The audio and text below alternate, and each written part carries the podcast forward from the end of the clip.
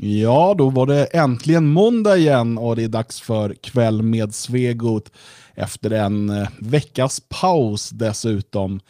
Så eh, det är länge sedan man satt så här och pratade in i en kamera känns det som, men det ska nog gå bra till slut. Och dagen till ära har vi fått ja, förstärkning måste man ju säga.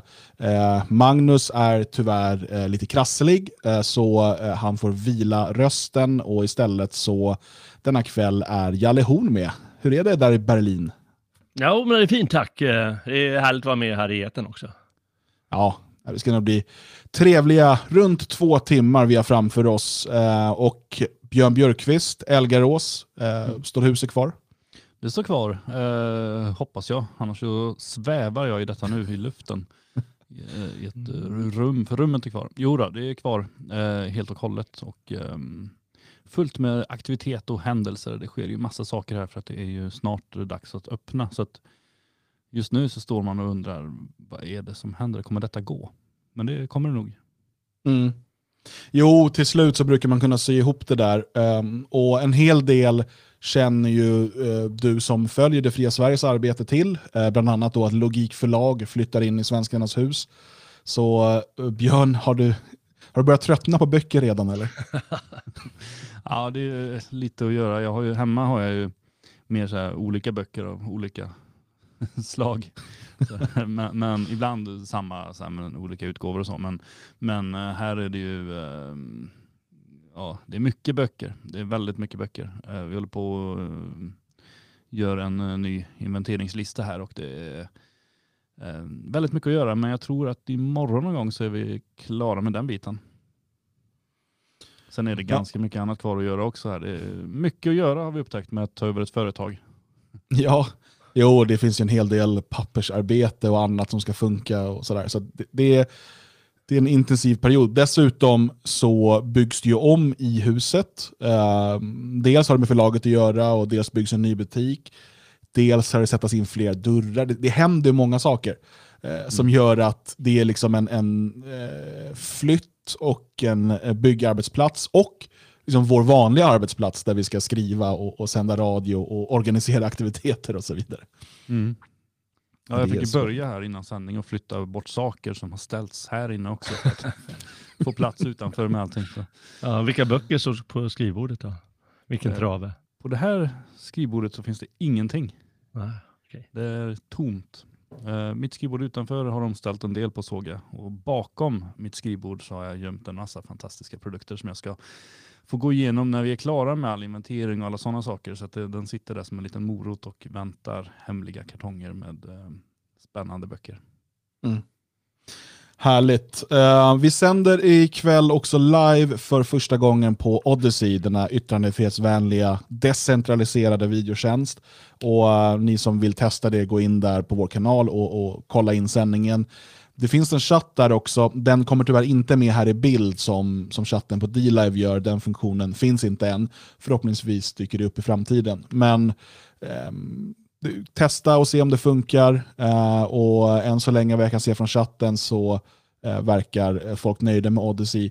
Joakim P undrar här om de har citroner på Odyssey. Det har de inte, så att vill ni skänka citroner då är det D-Live som gäller.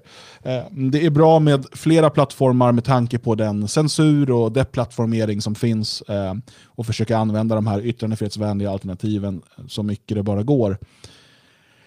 Uh, vi har en hel del att tala om ikväll, ganska tunga saker, men det är måndag så vi ska försöka lätta upp stämningen lite. Och för dig som är med nu under livesändningen, Glöm inte bort att så fort vi avslutar den här sändningen, då springer vi alla till våra kylskåp, hämtar en öl och så går vi in på Telegram, på Radio Svegots chatt. Och så startar vi en, jag kommer starta en sån här röstchatt och så kör vi öl med Svegot. Så är det efter sändning. Björn, har du någon öl redo? Nej, jag ska köra bil sen. Då ska man inte dricka öl. Mm. detta är, detta är eh, sån här eh, public service ifrån Svegot. Ja. regel vi har satt upp. Nu tänker jag att uh, Jalle är inte förberedd på detta, men jag tror nog att det finns en öl någonstans i det Hornska hemmet. det gör det definitivt. det finns massor. jag, jag, bjuder på en eller två. Härligt. Uh, men det blir efter den ordinarie, ordinarie sändningen. Så håll dig i skinnet nu ungefär två timmar Jalle. Jag gör mitt bästa. Härligt. Um, efter eh, sändningen när vi går över till öl med Svegot så får vi passa på att utbringa en skål för eh, Tommy Lind som skulle ha fyllt 20 år idag. Eh, jag tror inte att det har undgått någon, men Tommy Lind är ju den, den unga svenska man som mördades för snart ett år sedan när han försökte stoppa en afrikan från att våldta en svensk kvinna. Det för oss som har läst förundersökningsprotokoll och, och hängde med i rättegången och sådär, så det, det, är en väldigt makaber historia och vi, det finns ingen mening att gå in på allt för mycket detaljer. Men jag eh, såg att Tommy Linds namn trendade, som det heter, på, på Twitter idag. Alltså det var det, eh, det mest omtalade under en viss tid på, på svenska Twitter. Um, så det är många som hjälper till att uppmärksamma honom idag. Björn, hur, hur minns du Tommy Lind-fallet? Um, alltså, alltså lite grann tänker jag ju så här att, att ehm, um, 10 maj är det väl som vi har eh, dödsdagen. Um, då finns det mycket att diskutera kring uh, själva dådet och sådär. Uh, idag känner jag väl mer att det är hans födelsedag. Jag tycker att vi ska lyfta uh, Tommy Lind, liksom inte den tragiska händelsen som han tyvärr blev känd för, utan Eh, han var ju en väldigt glad och positiv ung man som hade livet framför sig eh, som eh, stod upp för det han trodde på, levde för eh, det han trodde på och dog för det han trodde på. Ehm, en eh, hedersman helt enkelt som eh, bör vara ett ideal för alla män i Sverige. Eh, och jag tycker det är väl ehm, mer intressant än, än, att prata om. Sen blev vi tvungna att komma in lite grann på den här eh, mördaren i fråga i och med att han äh, gör sig påmind hela tiden. Han kan ju inte bara liksom vara så pass mycket man att han kan ta sitt straff utan han ska hålla på och äh, överklaga. Nu har han gjort det igen, ehm, vilket är tragiskt. Att han inte kan låta Tommys föräldrar få liksom, bearbeta sorgen, slippa tänka på, på gärningsmannen. Eh, men han bara måste. Han bara måste hålla på och störa. Och det finns ju inte en chans att han får ehm, upp det här i högsta domstolen eller att högsta domstolen tar tillbaka det till tingsrätt eller hovrätt. Utan um, han, han, bara, jag vet inte, han är väl sysslolös och har ett behov av att synas eller något. Värdelös människa. Till skillnad från Tommy Lind som var en uh, ädel man. Mm. Nej, han, äh, afrikanen äh, verkar inte förstå vad han har gjort och han verkar inte uppvisa någon typ av ånger alls. Uh, och Kanske är det så att han inte har det så lätt uh, i fängelset med tanke på att han också är våldtäktsman. Uh, det är väl inte alltid så populärt, men ja, det, det, det, måste vara oerhört jobbigt för, för Tommys föräldrar när, när bilder på, på mördaren återigen visas i, i media och liksom hur, hur han vill ha resning och sådär. Men det var, vad har uh, Jalle, vad, när jag säger Tommy Lind, vad tänker du på då? Ja, nej, nu blev jag upptagen av vad, uh, vad jag hörde här från Björn, att uh, det här att han ska fylla 20 år nu och det får man ju minnen av sin egen 20-årsdag, inte 20-årsdagen kanske, men den tiden i alla fall. Mm. Och jag var inte alls aktiv på det sättet som han verkar ha varit och intresserat sig för politik på just det sättet i alla fall. Och gjorde uppenbar, uppenbarligen rätt, rätta saker. Jag eh, hamnade inte i sådana situationer eller med, var med om sådana händelser eller liknande händelser kanske. Men eh, mycket sorgligt att han inte får uppleva mm. den tiden. Det, det, är väl det jag tänker på just nu, snarare än vad jag minns för ett år sedan snart. Eh, vad som hände och så, hur det blåstes upp, eh, eller tystades ner och, och hela den processen. Som mm. också är väldigt liksom, sorglig i sig, hur de, ja, svensk media försöker nästan lägga locket på.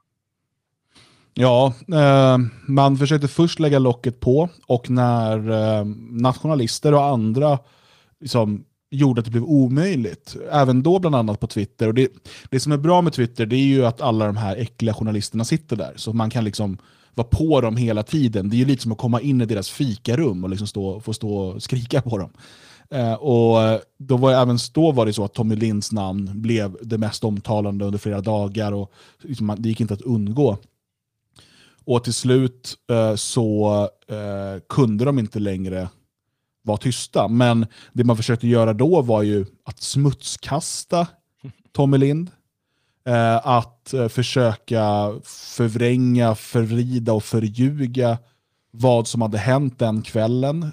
Och Det som var intressant med det var att vi var flera stycken som hade pratat med folk, alltså utan att gå in på detaljer, men som var liksom där någon gång under den kvällen eller så, utan att hänga ut någon. Eh, och, och vet ungefär visste ungefär vad som skulle ha hänt. Men eh, media verkade fortfarande helt ointresserade och bara körde ut en, en liksom lögn, lögnversion. Det gjorde man först när man hade pressat åklagaren till att säga på ett väldigt svävande sätt om att våldtäkten som skulle ha genomförts och mordet de eh, var skilda i tid och rum. Och Det här använde bland annat då Aftonbladets Oisin Cantwell eh, för att hävda då att berättelsen om mordet på Tommy Lind är falsk. Och det är klart man kan, man kan hävda att det var skilt i, uh, i tid och rum eftersom att det, efter den första våldtäkten, när hon väckte, hade väckt Tommy och så vidare, så mördas ju Tommy Lind och sen släpas kvinnan in i ett annat rum och blir återigen våldtagen. Så det stämmer ju att det skiljer, det är i ett annat rum och det är vid en annan tid. Det var inte exakt samtidigt som mordet skedde, det var några minuter senare. Efter att han har lyckats mörda Tommy eftersom att Tommy försökte förhindra detta.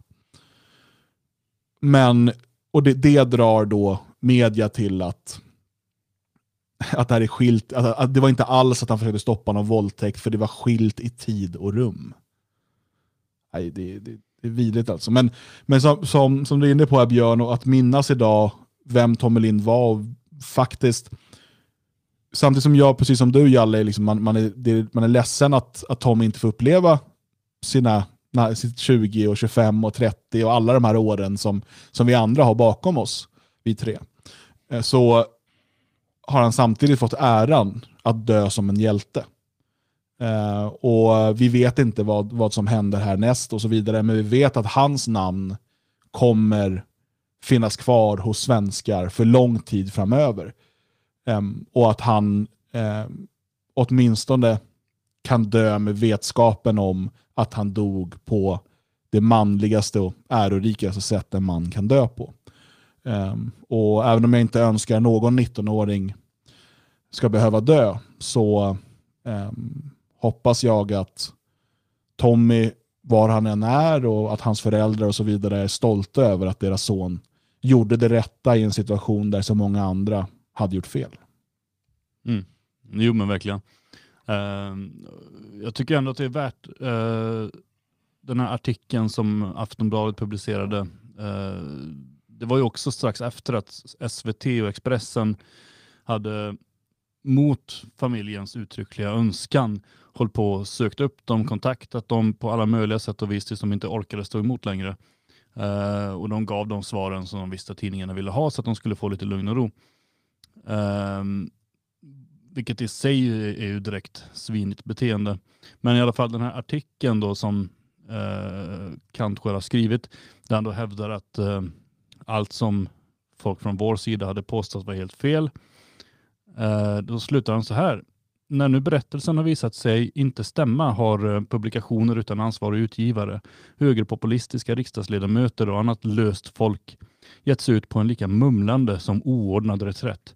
Även om det här och där uttrycks förhoppningar om att åklagaren pratar strunt. Åklagaren pratade strunt. Den här artikeln mm. ligger kvar okommenterad. Han medger inte att man liksom har totalt fel. Historien har visat att det var vi som hade rätt. Det visar rättegången, det visar förundersökning, det visar allting. Uh, Cantwell är ju en riktig skitstövel av rang. Mm, och det visar också att han tillhör kategorin löst folk. Eller mm. som det också heter. Mm. Jo, verkligen. Och just det här att den ligger kvar okommenterad, det är faktiskt väldigt intressant. För att tack vare, eller på grund av att Aftonbladet är en så välbesökt sajt, så hamnar ju de, eh, bland annat därför, så hamnar de väldigt högt på Google-resultat.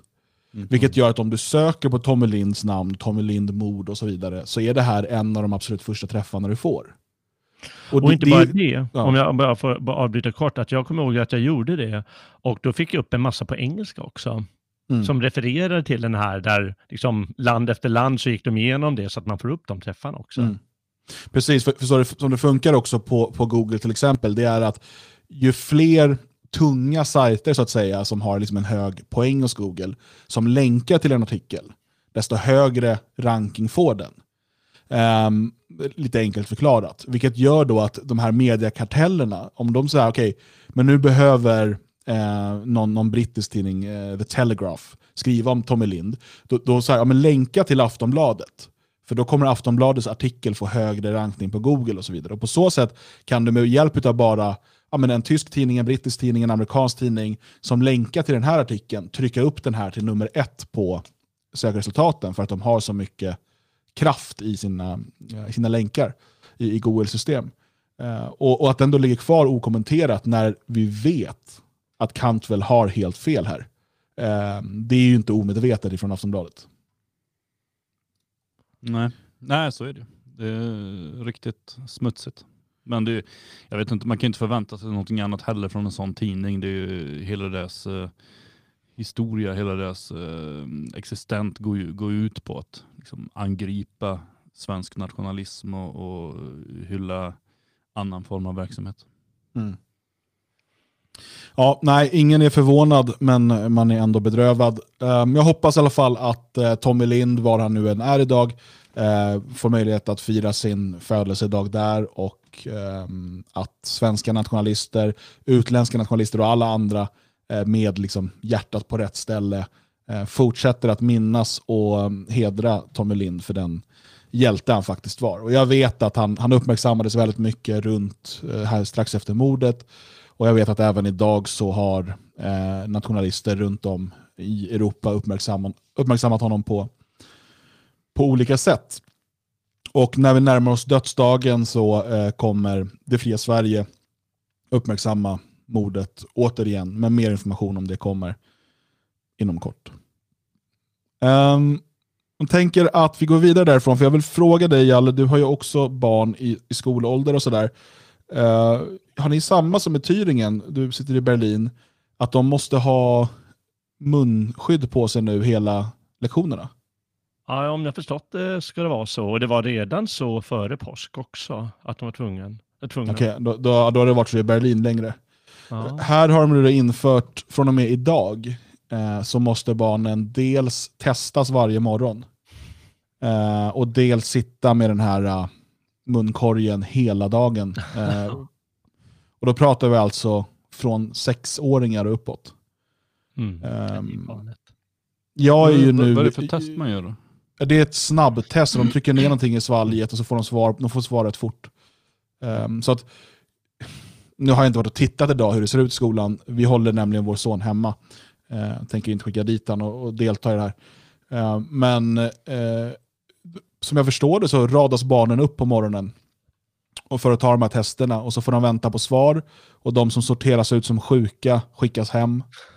Eh, och resten sitter kvar med, med eh, munkorg över näsa och mun hela, hela dagen. Eh, samtidigt som fönstren står på vid gavel, det är nollgradigt idag kan jag säga, eh, för att det måste luftas. Ehm, de har bara halva klasser, så det är små grupper redan. Alla lärarna i skolan är redan vaccinerade. Det är, jag, är, jag är nu i någon typ av officiellt krig med, med staten.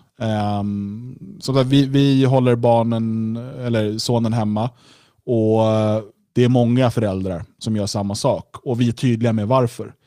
Det är i Tyskland, precis som i Sverige, skolplikt. Ehm, så du får inte hålla dina barn hemma utan att de liksom är sjuka och så vidare. Men eh, vi överlade med, med flera andra föräldrar i skolan då och sa att nej, men vi, vi säger som det är. Det är det enda sättet att faktiskt visa att det här inte är acceptabelt. Eh, så vi får väl se ifall polisen kommer att knacka på här och släpar barnen till testcenter och, och sådär. Får se Mm. vad som händer framöver. Men jag, för, det, det, för mig det är helt ofattbart. Det, för mig är det barnmisshandel. Alltså hur kan man utsätta sexåringar för den behandlingen.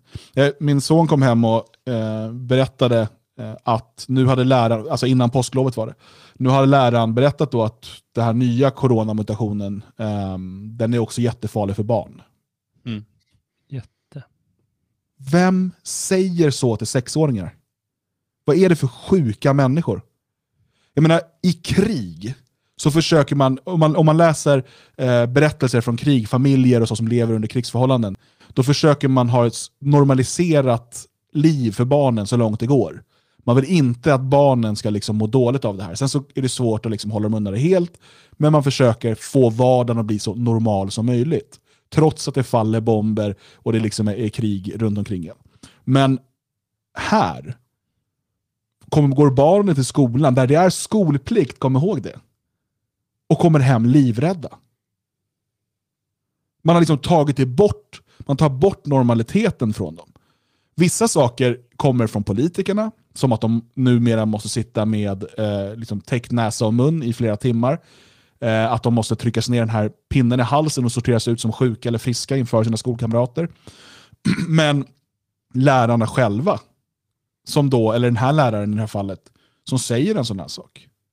Och som dessutom står och berättar, eh, min son kommer också att berätta att vaccin är den enda vägen ut ur det här. Vi måste alla ta vaccinet. Vem säger det? Ja, det är min lärare som säger det. Vem, vem är du att säga något sånt till mina barn? Jag, jag, för mig är det, jag, jag, vet inte vad jag ska göra. För att jag vill inte ha mitt barn hos en sån uppenbart barnfientlig människa. Som, som trycker i barnen de här... Eh, det är, inte, det är inte hennes plats att säga något sånt till mitt barn. Jag vet inte hur, hur du hade reagerat Björn. Jag vet att i Sverige har ni betydligt bättre i skolan just nu för barnen. Men, men... Jo, nej jag vet inte. Man har inte riktigt behövt tänka i de banorna överhuvudtaget i och med att eh, eh, Sverige har ju tack och lov en lagstiftning som omöjliggör sådana saker. Sen är det ju klart att eh, det finns ju garanterat enskilda lärare som håller på att skrämma upp barnen så gott de kan. Eh, jag har väl inte fått något intryck av att eh, eh, mina barn har råkat ut för det dock. Mm. Så, men, men, nej, men det är ju fullständigt vansinnigt. Och, det är bra att barnen hålls hemma och att det är flera som gör det. Så att det på något sätt blir tydligt att det inte är okej. Mm. Mm. Nej, här har de, här fick ett eh, meddelande från eh, lärarna att det har varit lite kaotiskt och de har inte fått de här testen och de vet inte riktigt hur de ska hantera det och göra så eh, jag har inte fått någon riktig insyn i hur det kommer gå till men det är meningen också att de ska göra sådana här tester hela tiden. Jag hoppas att min pojk, vad jag brukar skoja, säger alltid att det där vaccinet det är bara vattenlösning, sockerlösning. jag hoppas att, att han säger han säger sådana saker så alla... Att det är lätt upp stämningen eller för, så lärare får svar på tal. Du hade ju med din grabb ner hit när du hälsade på förra, eh, för några veckor sedan här. Ja. Så då, då lä- läxade han upp min son lite där. Med allt, han lärde upp honom lite, vad, mo, lite motkultur, motargument mot det han fått höra i skolan. Det var roligt. Och sen kom min son så här. "Eh, Pappa, vet du det här viruset det kommer ju från ett laboratorium i Kina. Då sa jag, okej nu vet jag, nu har Jalle via sin son och så kommer, okej nu vet jag. Ja, han får väl... Vi sitter och dis diskuterar det där. ehm, Mamman gillar inte så mycket, men eh, ja, vi män vi gillar att diskutera våra saker och kvinnor sina saker. Ja. Ja, Nej, jag hoppas att han inte...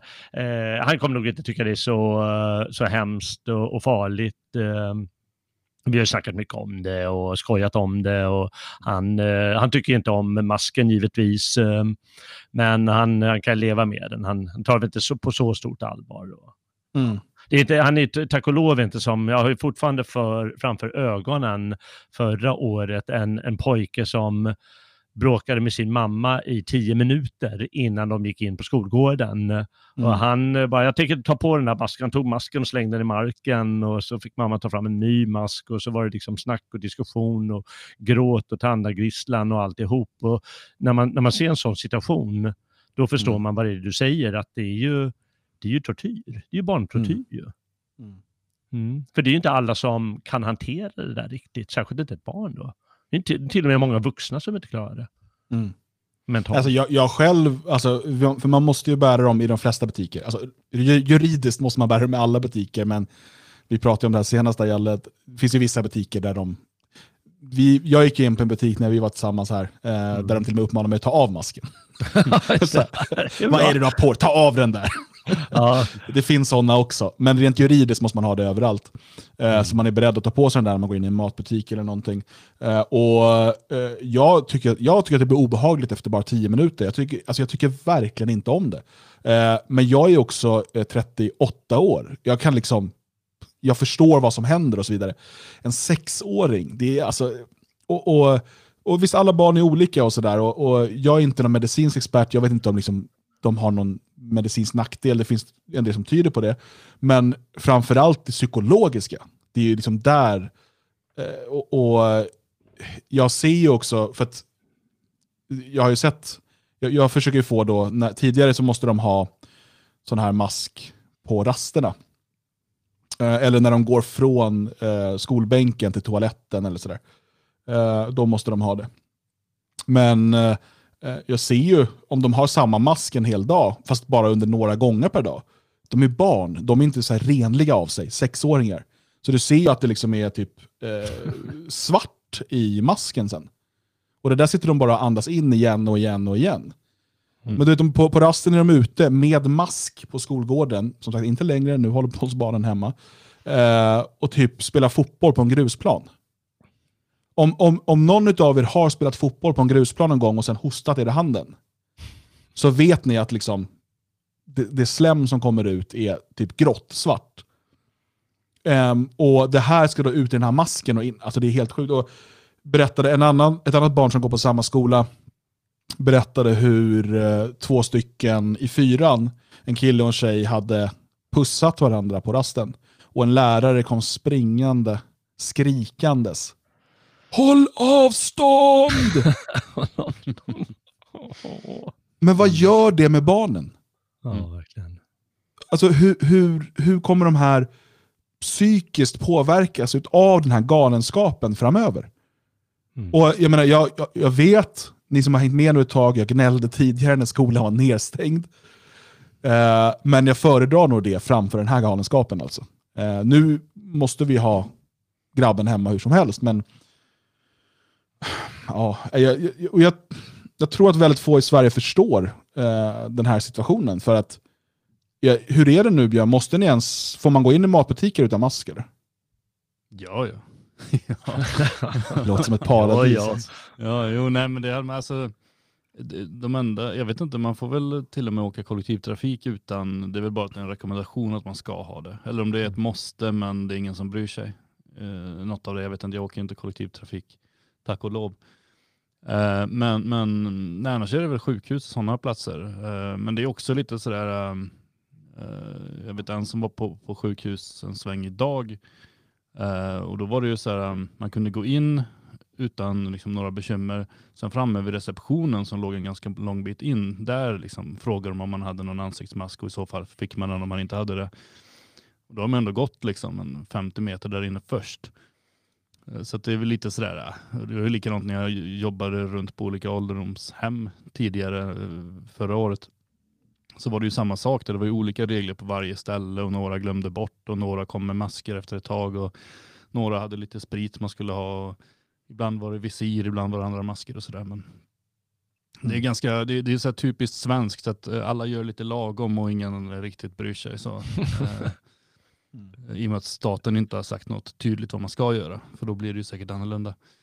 Eh, men annars, jag menar, jag- det enda jag kan relatera till på det sättet, det, det är um, eh, min tvååring skulle till um, tandläkaren nu eh, den här veckan. Och då var det ju samma sak där då, att den vuxna som följde med var tvungen att ha sån här munskydd. Vilket ju gör att liksom, vi, vi sätter vår tvååring i en jävligt obehaglig situation. Han vet inte riktigt var han hamnar. Det ska in någon och rota i munnen på honom. Han söker liksom kontakt med föräldern som döljer halva ansiktet. Så, så att vi skjuter ju fram den ett halvår och hoppas att det hinner lugna sig till dess. Mm. Mm. Jag pratade i telefon med en eh, vän för någon vecka sedan, eh, eller ett par, eh, och eh, som eh, med, med åldern, han, han sa att ja, det var min paradgren förut, synen. Men så är det med åldern. Va? Man, eh, eh, jag som är kortsynt blir, går väl sakta, tillbaka, sakta men säkert tillbaka på mig och kan bli sakta men säkert mer långsynt eller vad det blir. Och då så skulle han in i affären och, aha, och då hade han eh, eh, corona. Han har haft det ett par veckor. Mm. Och eh, då sa han, ah, jag ska vara lite schysst och sätta på mig masken då, sa han, när han gick in i affären. Och, eh, men han märkte att det här går inte och frågade mig, men hur klarar du dig med mask? Det är ju ett rent helvete, jag ser ju ingenting. Jag bara går in i stolpar och drar ner hyllor i affären och alltihop. Ja. Det är omöjligt. Ja, nej, det är helt omöjligt, sa han och rev av sig masken. nu blir det smittade, men vad gör väl det? Ja, då kommer vi snabbare i mål ju. Det är bara att se till att folk ja, smittar lite snabbare. Ja. Um, ja, nej, det är riktigt obehagliga tider och en sak som, som jag liksom inte kan släppa, det är ju, och det är framförallt för barnen, men även för oss vuxna. Och Björn, du kommer inte riktigt kunna känna igen dig i det här, men vi som har tvingats leva under lockdowns och, och allt det här, det, det är till viss del i Sverige, men det, vi har ju blivit bestulna på den här tiden. Mm. Alltså de, har, de har ju stulit minst ett år från våra liv. Och där liksom, i stort sett vi inte kunde göra någon... Alltså, det du kan göra, och det är precis det de vill att du ska kunna göra. Du kan vara hemma, du kan gå till jobbet, du kan betala skatt, du kan gå och sova. Det är liksom de saker du kan göra. Okej, du kan gå ut i skogen och så vidare just nu, men inte efter klockan nio för då är det utegångsförbud och sådär. Jag vet inte om det är det längre, jag hänger inte ens med de lagarna längre. Det ändras ju också hela tiden. Men för barnen, alltså jag tänker ja, som min sexåring då, så han fyller sju här strax. Um, det är precis den, den åldern jag minns själv när man började prova på olika idrotter, man liksom var hemma hos klasskompisar, man, alla de här sakerna. Och um, Ska man följa lagarna här, vilket vettiga människor inte gör, så dels får du knappt träffa någon. Um, det, det är liksom, du får träffa en utanför ditt eget hushåll och så vidare. Och um, Sen finns det all form av eh, barn och ungdomsidrott är förbjuden. Eh, och du får... Eh, eh det, så finns inte bio, du kan inte gå och simma, du kan inte... Eh, alltså i, i sån här simhall. Och du, alltså alla de här sakerna som man, man gör som barn och som man liksom, ah, men vad ska vi göra i helgen med barnen? Alltså, allt, allt är nedstängt. Um, restauranger är nedstängda, allt. Och Det är ju en tid som vi inte får tillbaka. Eh, och det, det är liksom det jag inte kan släppa. Kommer vi kompenseras för den här tiden?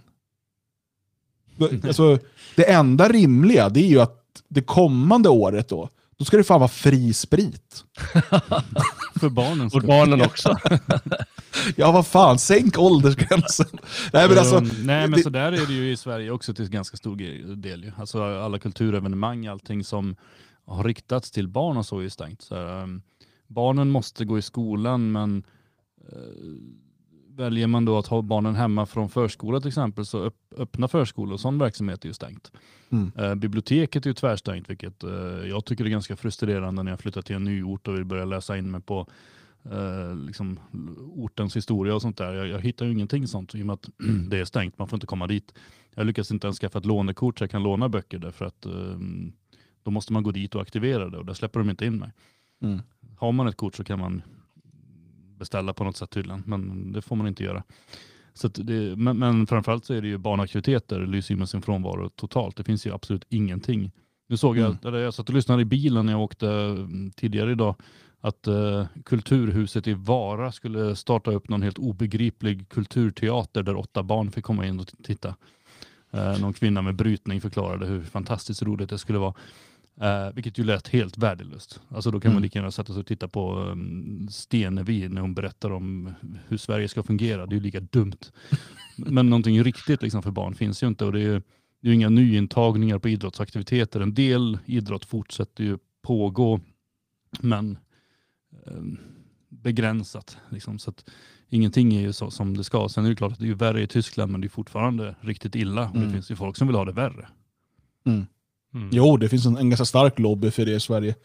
Eh, som tycker man ska gå eh, samma väg som, som Tyskland eller liknande. Trots att ja, det verkar inte direkt göra saker bättre. Jag tänker att vi ska, ibland så är det människor även ur mainstream-världen som gör bra saker. Eh, och nu handlar det här just om idrott, men jag tycker ändå vi kan kolla på det här klippet ifrån Ola Wenström som är en känd eh, sportjournalistprofil. Eh, för jag tycker att eh, han, han är, gör det riktigt bra. Jag hoppas det kommer mer sånt här som sätter, sätter lite press på, på myndigheterna. Vi hör inget. Ah. Jag, jag ber om ursäkt. Eh, ni måste också höra tydligen. Boomer. Bättre. jag, är, jag, blir bara, jag blir inte yngre om man säger så. Sådär. Eh, här har vi då från Ola Wenström. Ja, det kan egentligen inte sammanfattas på något annat sätt. Mer än ett år in i pandemin, ett dygn före den allsvenska premiären. Ingen publik alls, ingen breddfotboll, ingen ungdomsidrott. Men det är faktiskt inte corona som sätter stopp. Det är som att paniken bara fortsätter och att all annars normal riskbedömning, sans och balans helt har satts ur spel. Okej okay för ett år sedan när allt kom och ingen visste någonting. Men nu, fortfarande. Och ingen tycks våga öppna dörren riktigt till åsiktskorridoren och säga stopp. Det är bara nedstängning, trycka nya pengar som gäller. Inte ens ett försök att öppna och hitta en smittskyddssäker väg framåt. Så här står vi nu med tusen pers på Ullared och regler som tillåter åtta på Ullevi. Träffsäkra åtgärder, säger de som bestämmer. Det är som att Folkhälsomyndigheten fortfarande inte förstår att det är skillnad mellan familjekubb och elitfotbollsklubb. Att regeringen inte har insett att det också finns proffsidrott i folkhemmet. Elitklubbarna har inte haft förmågan, Riksidrottsförbundet inte lusten att berätta det. I den här frågan är det bara lösa skott i pandemilagen. Elitarenorna ekar tomma. Breddidrotten står på hold. Ungdomssporten ligger helt nere. Av vilken rimlig anledning? Nu vet vi ju så mycket mer. En omfattande brittisk undersökning visar att 0,1% av alla smittade har fått det utomhus. 0,1. Dödligheten totalt globalt är enligt WHO 0,15 och utifrån det har vi alltså ändå sagt nej till så mycket och okej okay till en besökare per 10 kvadrat i butikerna. På en fotbollsplan motsvarar det 600 personer. Men det går alltså inte ens 11 mot 11 utomhus. Det är ofattbart ologiskt helt enkelt. Att inte ens orka försöka med tester, temperaturkoll, munskydd, vettig riskanalys. Det är som med fotboll. Det går inte bara att ligga på försvar. Man måste framåt också. Mm. Ja, riktigt bra. Wow. Wow, säger jag bara. Får han ha kvar jobbet tror ni? Ja, det är det som är frågan. Men det är så himla viktigt när en sån profilerad liksom, tv-profil eh, går ut och säger sådana saker och just tar upp det här med... Han nämner ju också det där att bara trycka nya pengar. Jag tycker det är kul att han bara slänger in det. Så här, hmm, jag tror att han, han förstår mer än vad han ger uttryck för till och med. mm. um, och liksom, just det här, nästan ingen smittas utomhus. Det är ändå relativt låg dödlighet. Om man då sätter ihop de här 0,1 procent risk att då, eller 0,1% av smittan sker utomhus med 0,15% dödlighet. Skulle man dessutom räkna då i ålder, alltså för barn då som inte får lov att spela fotboll utomhus. Det, det, mm. Då blir det för mig, och när jag då tänker också på det här i skolan, eh, där, återigen, jag, jag, tar det igen bara för, för att förklara. Lärarna är vaccinerade. Barnen går i halva klasser, så de, de, de, de har, sitter med eh, stort avstånd. De har fönstren öppna för att vädra hela tiden, för det ska tydligen hjälpa enligt en undersökning. Så de sitter och fryser och sitter med jacka på i skolan. Liksom. Eh, och eh, Dessutom nu så ska de då tvingas sitta med munskydd hela dagarna och testas varje morgon. Jag, för, och när man då tänker på det och man tänker på det här med liksom, det är helt orimligt att barn inte får spela fotboll för att det finns ingenting som tyder på att det ens skulle vara farligt. Eh, mer än att de kan bryta benet, men det har de alltid kunnat. Så eh, det verkar inte handla om folkhälsa, det verkar inte handla om ett virus, det verkar handla om kontroll, det är någon typ av galenskap som pågår. Antingen liksom kollektiv galenskap eller kollektiv ondska. Jag vet, bara inte, jag vet, vet, inte, det är alltid den här att vi inte klarar av att veta om det är det ena eller det andra eller en kombination av båda. För att det är helt orimligt det som, eh, som man gör.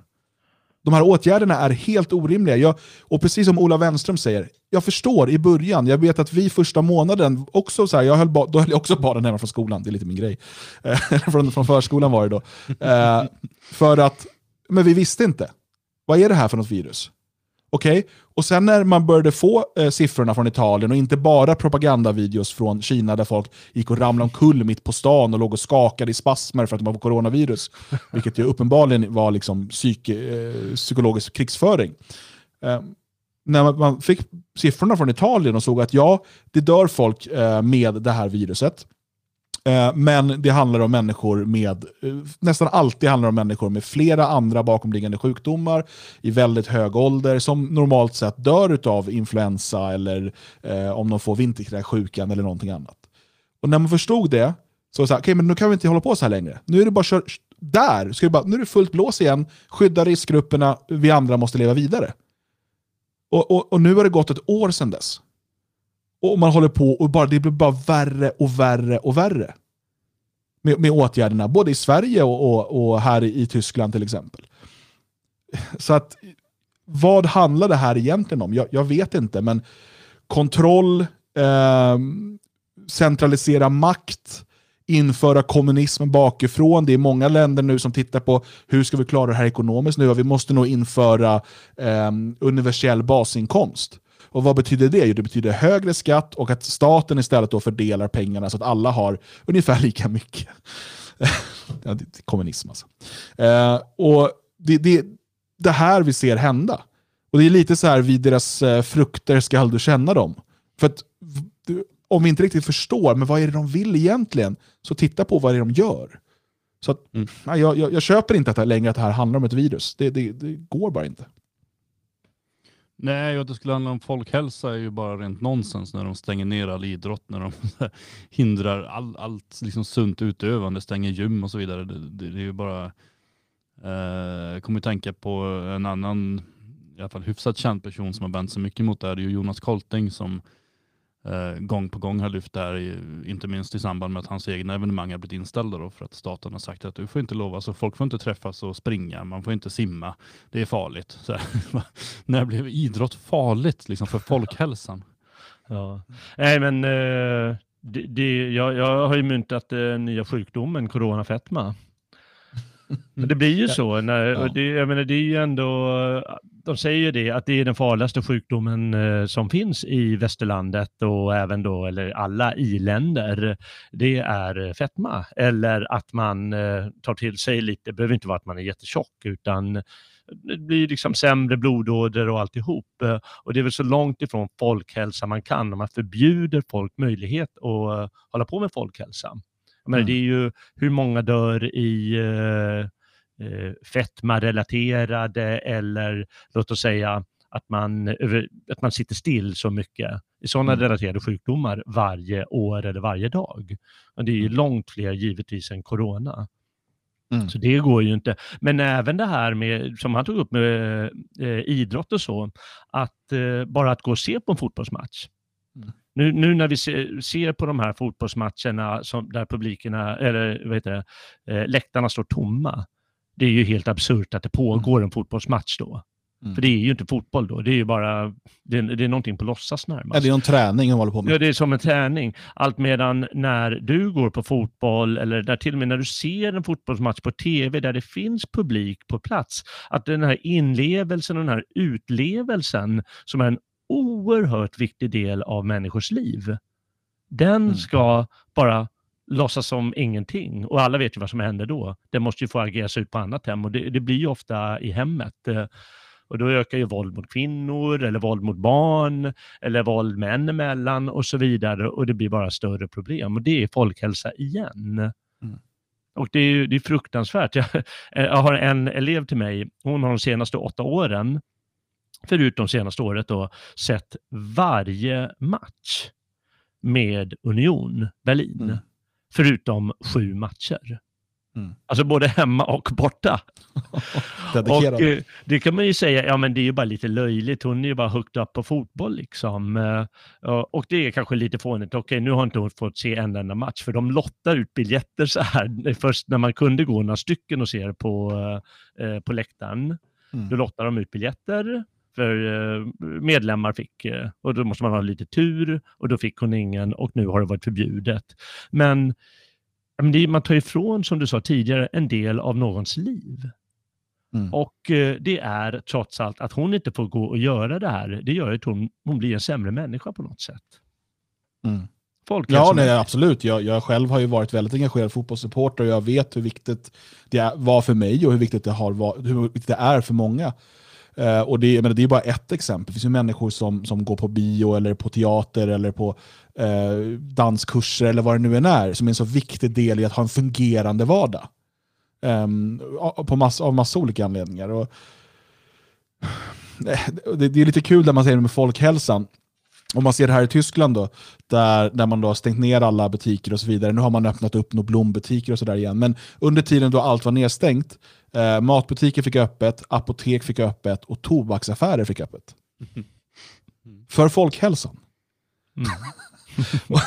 alltså det, det, det, är så, det är så absurt. Och eh, när man då går på de här stormarknaderna, typ Kaufland och så vidare, jag har berättat om det här tidigare, de har ju allting som de här andra småbutikerna som inte alltid är kedjor och sådär, utan kanske någon liten butik. De har ju lite skor och lite kläder och de har lite eh, tv-spel och, och så här, sånt som småbutiker annars kanske skulle sälja. Men nu måste man gå till de här jättekedjorna och så står folk och trängs där. Ehm, jag vet, i, fredags så var vi tvungna att handla under rusningstid, eh, då vi inte hann tidigare.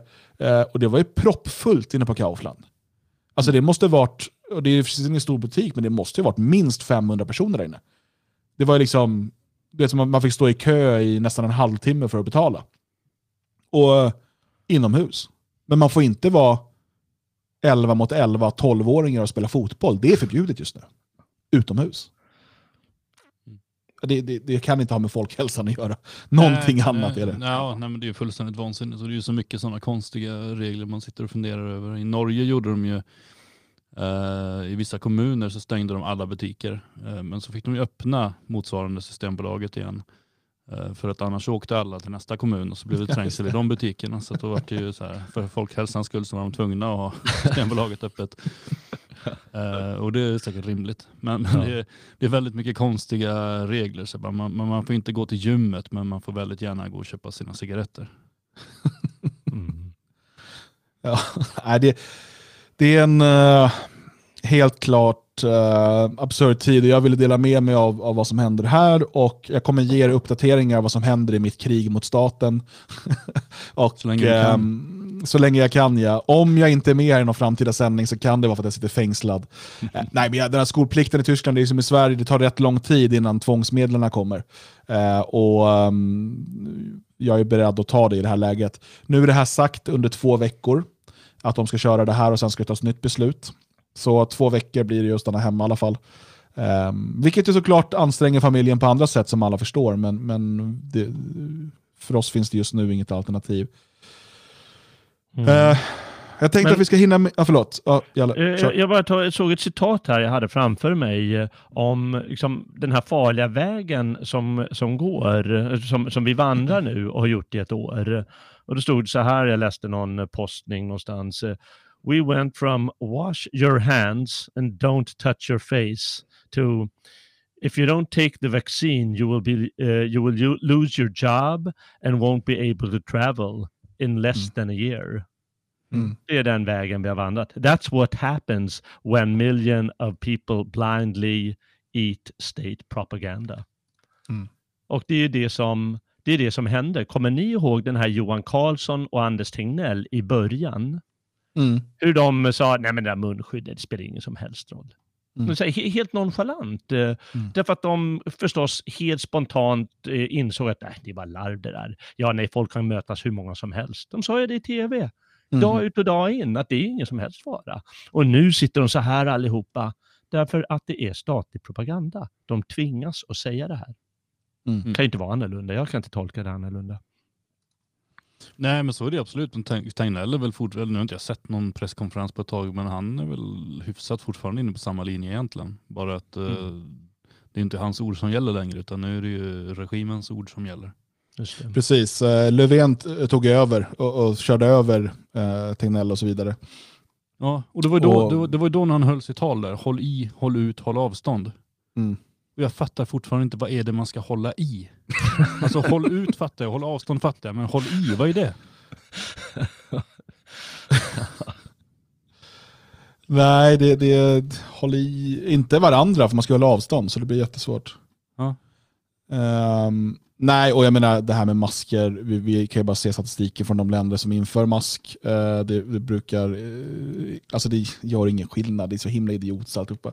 Och jag tänker ändå, vi, vi vill stanna lite här för att du, du nämnde någonting viktigt här Jalle, så här, ja, men nu ta vaccinet annars får du inte resa kom ju en nyhet här ifrån eh, den, den karibiska ön Sankt Vincent. Jag vet inte om du har hört det här Jalle, vad som hände där?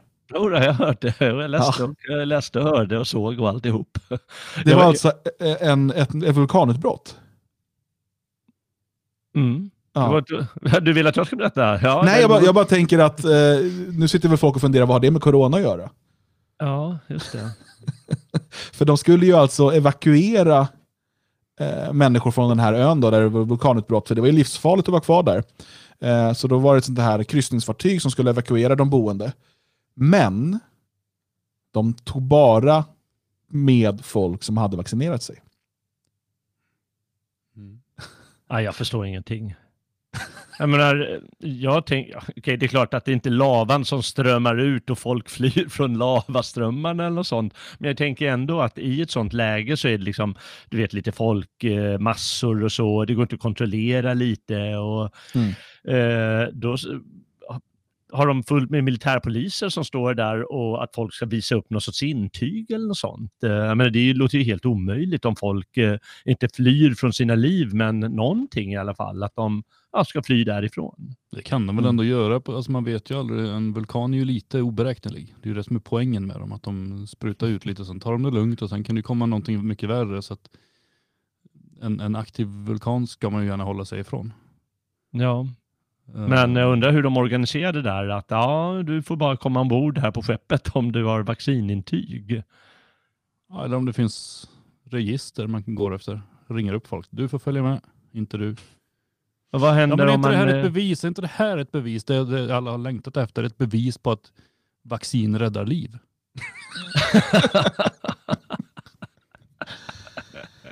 ja, det är sorgligt i alla fall. Ja, det, det är ju det är väl det enda sättet man, man kan se det på. För att, och, och det vi ser överallt, återigen, det var det här tvätta händerna, eh, hålla avstånd. Två veckor för att plana ur kurvan. Den hörde vi ett tag.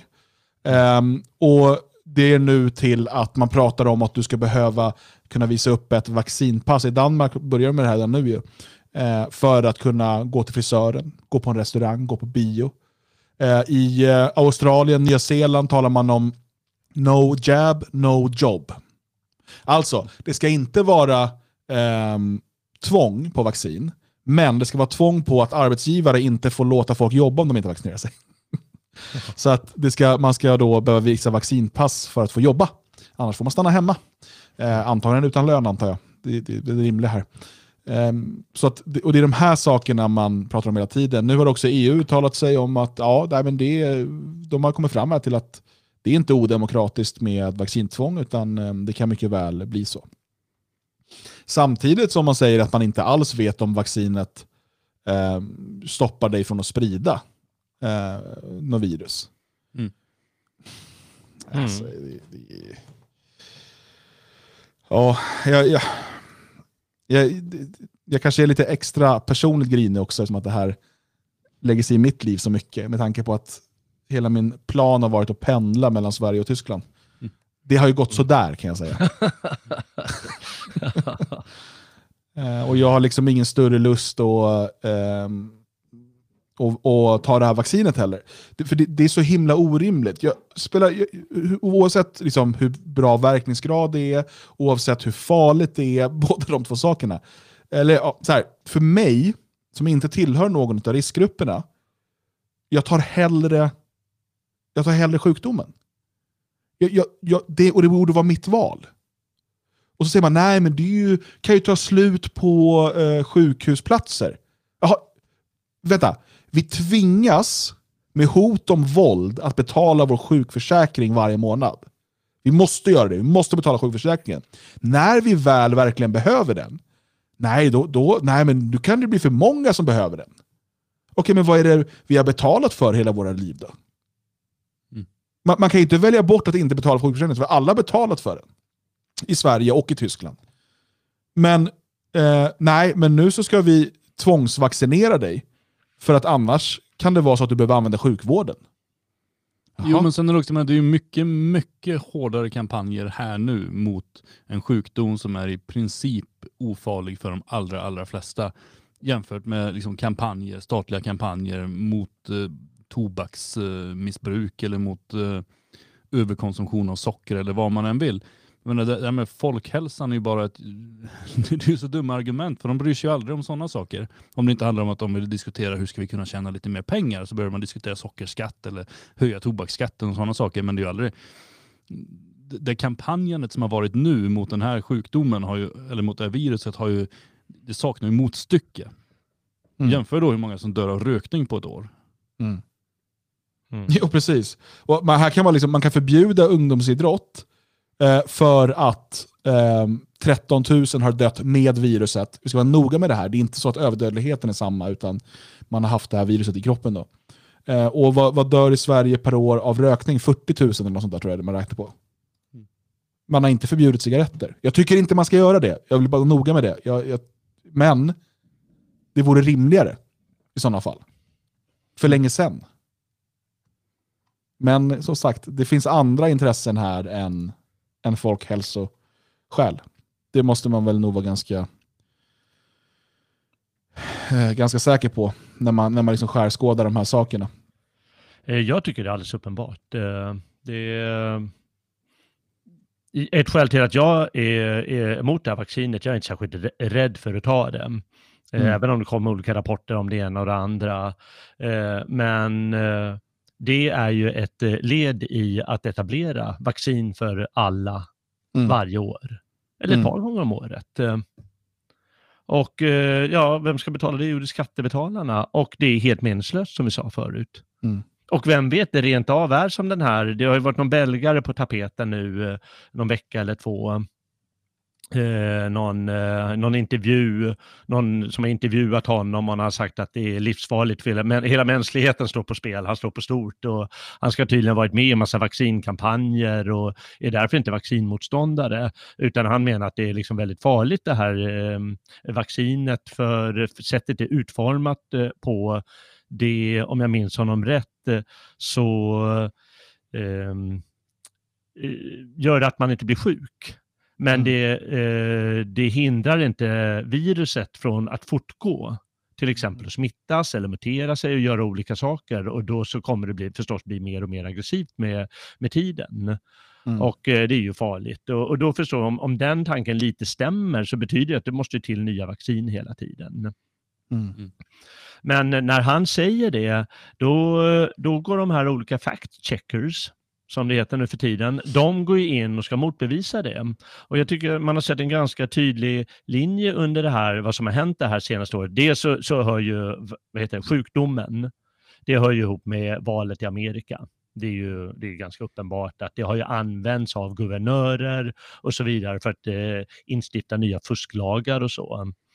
Eh, men eh, man ser också bland alla människor att alla som är lite eh, som normalt funtade män och de flesta på högersidan så är ju de, ser ju de det här är någonting lut med. Det är ju staten som försöker gripa makten eller statliga överstatliga organisationer och så på vår frihetsbekostnad och våra, oss vanliga människor bekostnad. Och då ser man hur det etablerats en stor strid även inom det här med vaccinet och sjukdomen där etablissemanget går stenhårt åt alla kändisar, förutom den här Ola då som är ett undantag. Kan ni förstå ett undantag? bland alla sunda människor. Eh, etablissemanget bland kändisar och, och, och journalister och akademiker och så och säger det här är jätteviktigt. När det är en, en, en blöjsak kanske. Vad var det? 0,1 procent och 0,15 procent var de siffrorna han tog. Mm. Och ska man dessutom kolla på ålder, för då är det där är ju räknat över alla som har smittats och så kollar man dödlighet och så vidare.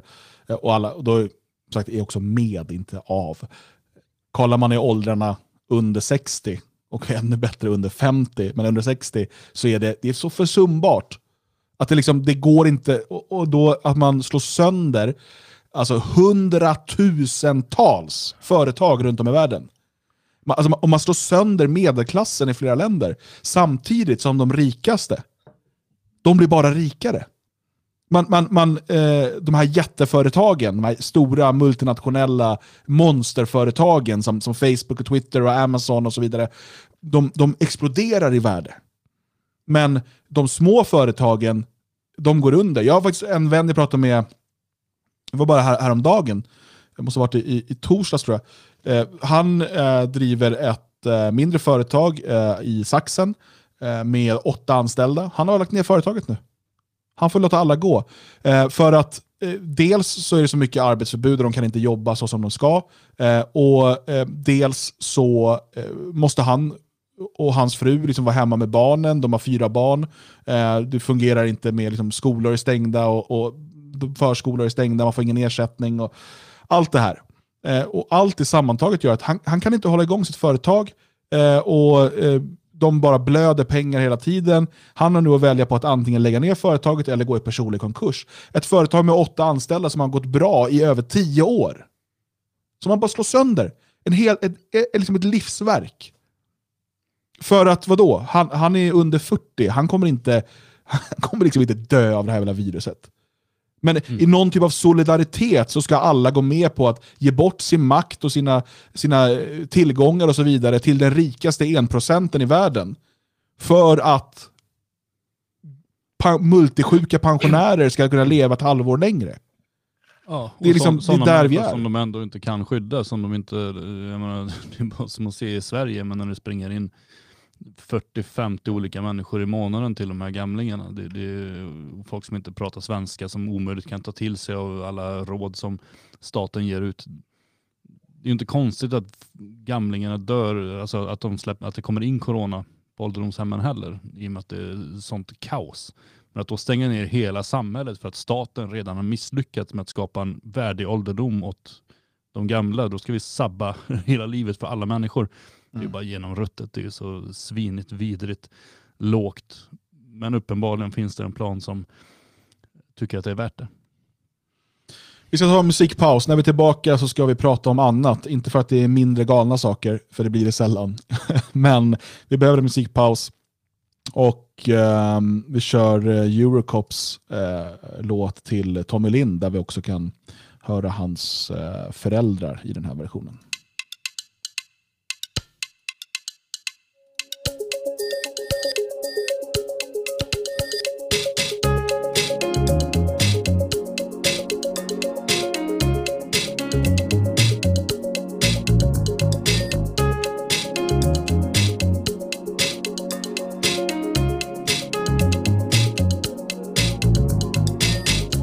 Han trivdes ju i naturen och med sin hund. Då. Han fick hund ganska tidigt.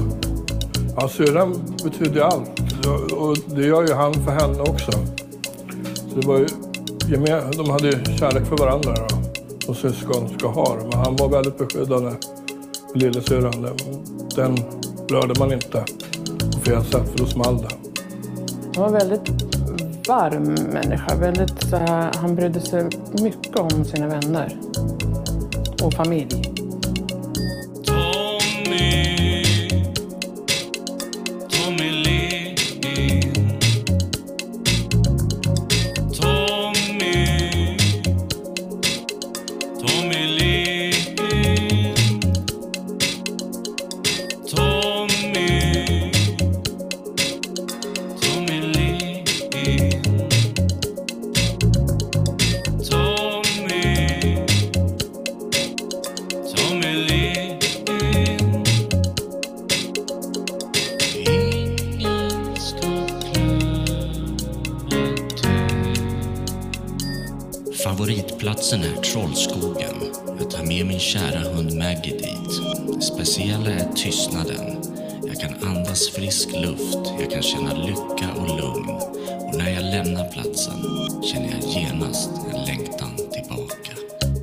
Förra ny, nyårsafton så var han skulle iväg och fira nyår med sina kompisar. Var hon vid, strax efter 11, halv 12 så ringer han. Kan du komma och hämta mig? Ja, kan jag. Vadå då? Jag vill vara hemma med tolvslaget.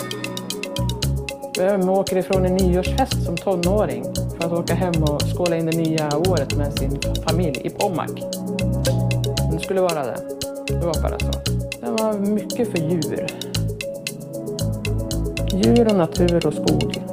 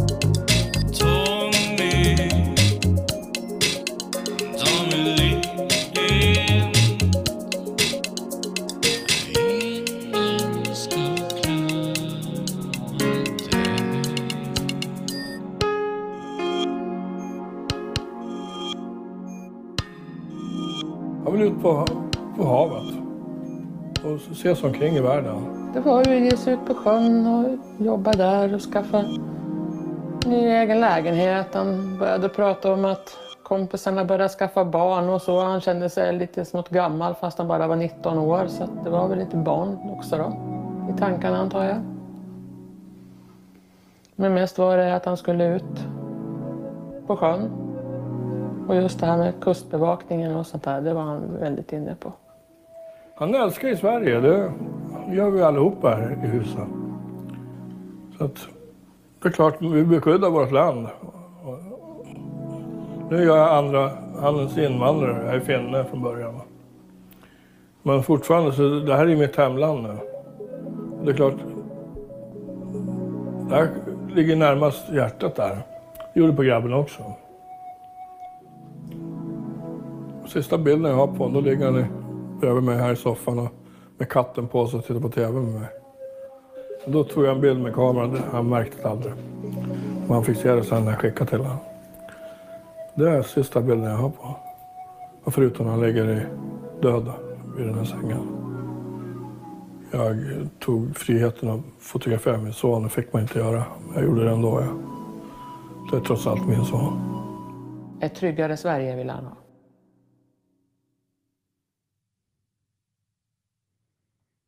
Det var någon som skrev i chatten här att Eurocop har gjort en seriös produktion. Vi lever uppenbarligen i den yttersta tiden. Eh, det kan mycket väl vara så.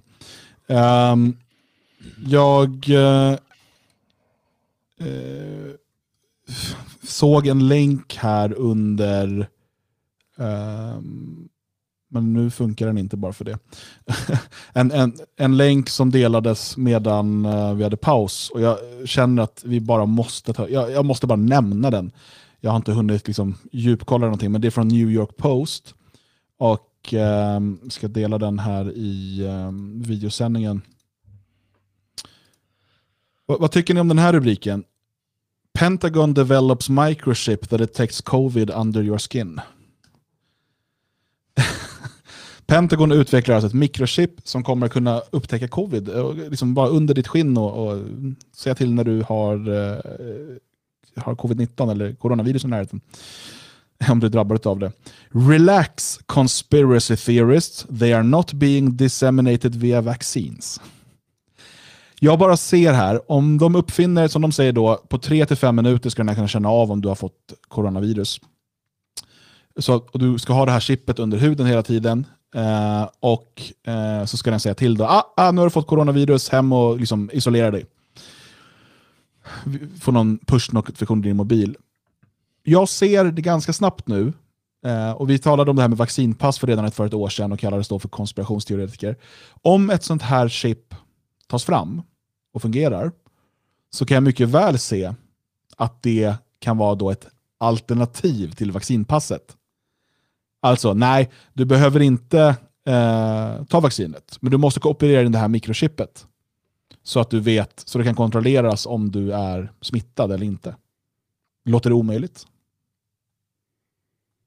Nej, eh, det finns ju massa fördelar jag kan se här. Det är ju även om man då, om det plingar till där att man, oj, nu har du fått eh, ditt virus i kroppen så kanske det plingar till också eh, någon annanstans. Eh, typ hos närmaste sjukhus så de vet att nu kan vi vara beredda. Och hos polisen som kan se att eh, nu kan vi se att inte den här personen rör sig utanför sin bostad här nu i två veckor. Eh, chippet måste hållas instängt här nu tills eh, viruset är borta. Mm.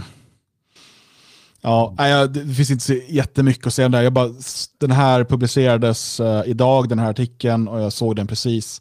Eh, och bara tycker att eh, det här blir bara mer och mer obehagligt. Ehm, tycker det är svårt att, svårt att komma ifrån det. Um, och Vi ska prata lite om kristofobi uh, med anledning av saker som händer i Sverige. Men det finns en bra koppling till det vi um, pratar om nu. Och Det har att göra med en kyrka i Edmonton som valde att ha eh, gudstjänst trots att staten förbjudit det för att de kan få virus.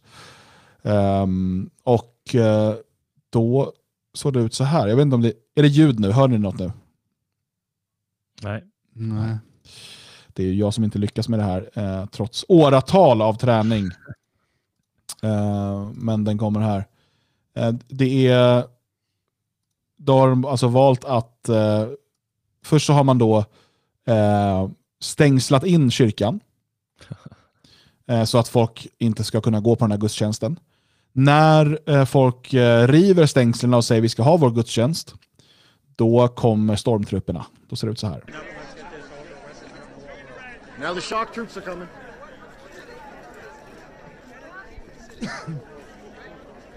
Skyttegraven.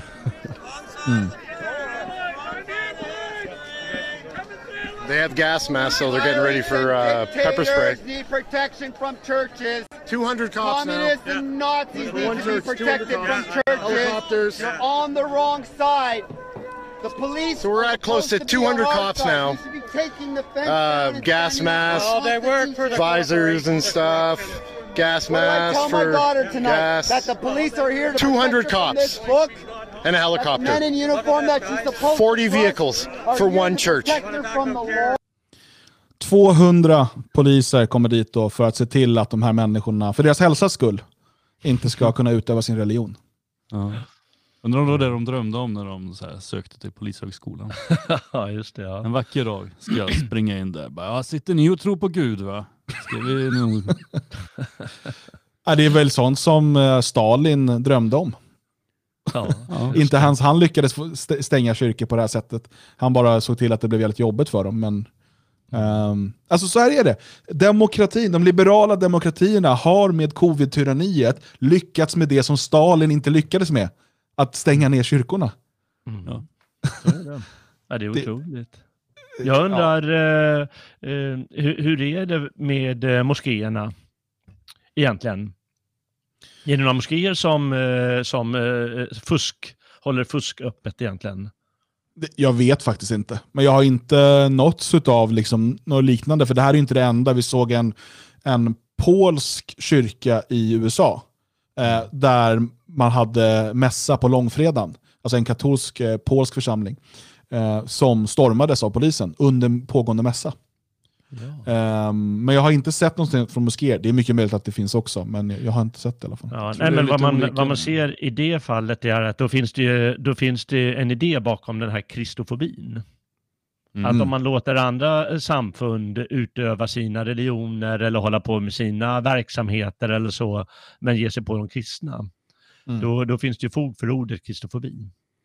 Jo, jag vet inte, i Sverige så är ju de flesta kristna grupper är ganska regimtrogna så att de håller säkert stängt så att det lär ju inte finnas något, något exempel på mm, liksom, möjlighet att storma där heller. Moskéer vet jag inte. Jag vet, jag åkte förbi moskén i Göteborg ganska ofta eh, och där satt det några lappar om att det var begränsat antal och så. Jag, var aldrig, jag passerade aldrig i samband med någon alltså fredag eller så, så att jag vet inte.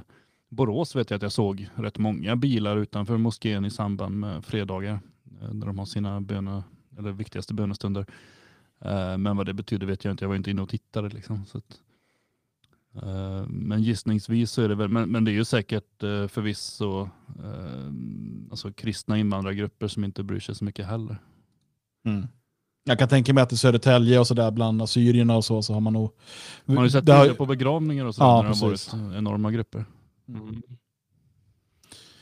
Ehm, ja, jag ser att uh, Bubba inne i chatten från Eurocop också. Uh, tack för låten själv. Uh, bra att vi kunde hjälpa till att sprida vidare den också. Mycket bra jobbat.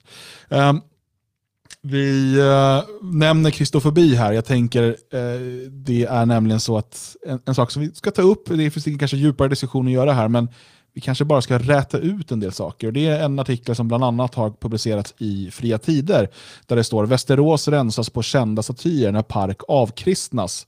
Och där eh, den här har delats ganska flitigt i sociala medier, där man då eh, menar att det här är en attack mot eh, kristendomen och mot svenskar och så vidare.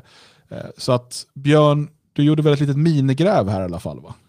Vad är det som har hänt? Jo, nej, men det, det är ju, Eh, det finns en park som i 90 år då har ägts av eh, eh KFUM, eh, vilket ju är en förkortning för Kristliga föreningen av unga människor. En eh, förening som väl inte är kolossal idag. Den var betydligt större för 90 år sedan när den grundades. Och de har väl ehm, färre aktiviteter, de har väl inte lika stort intresse för deras verksamhet helt enkelt. Så att de har väl fått sälja av en del saker och då bland annat då parkområdet Lövudden utanför Västerås som de ehm, har ägt och då har de ju även då eh, placerat tre statyer där eh, med kristen anknytning och det är bland annat av Carl Milles och av, ehm, vad heter han, Eld, nu står Eld. förnamnet. Karl. Ja. De heter Eh, Karl allihopa. Ja, enklast så. Men i alla fall, så de, ehm, de statyerna står ju där och nu så har de tagits bort och eh, auktioneras ut. Och eh, på olika ehm, alternativmedier så talas det ju om att eh, parken avkristnas, vilket det ju förvisso då gör.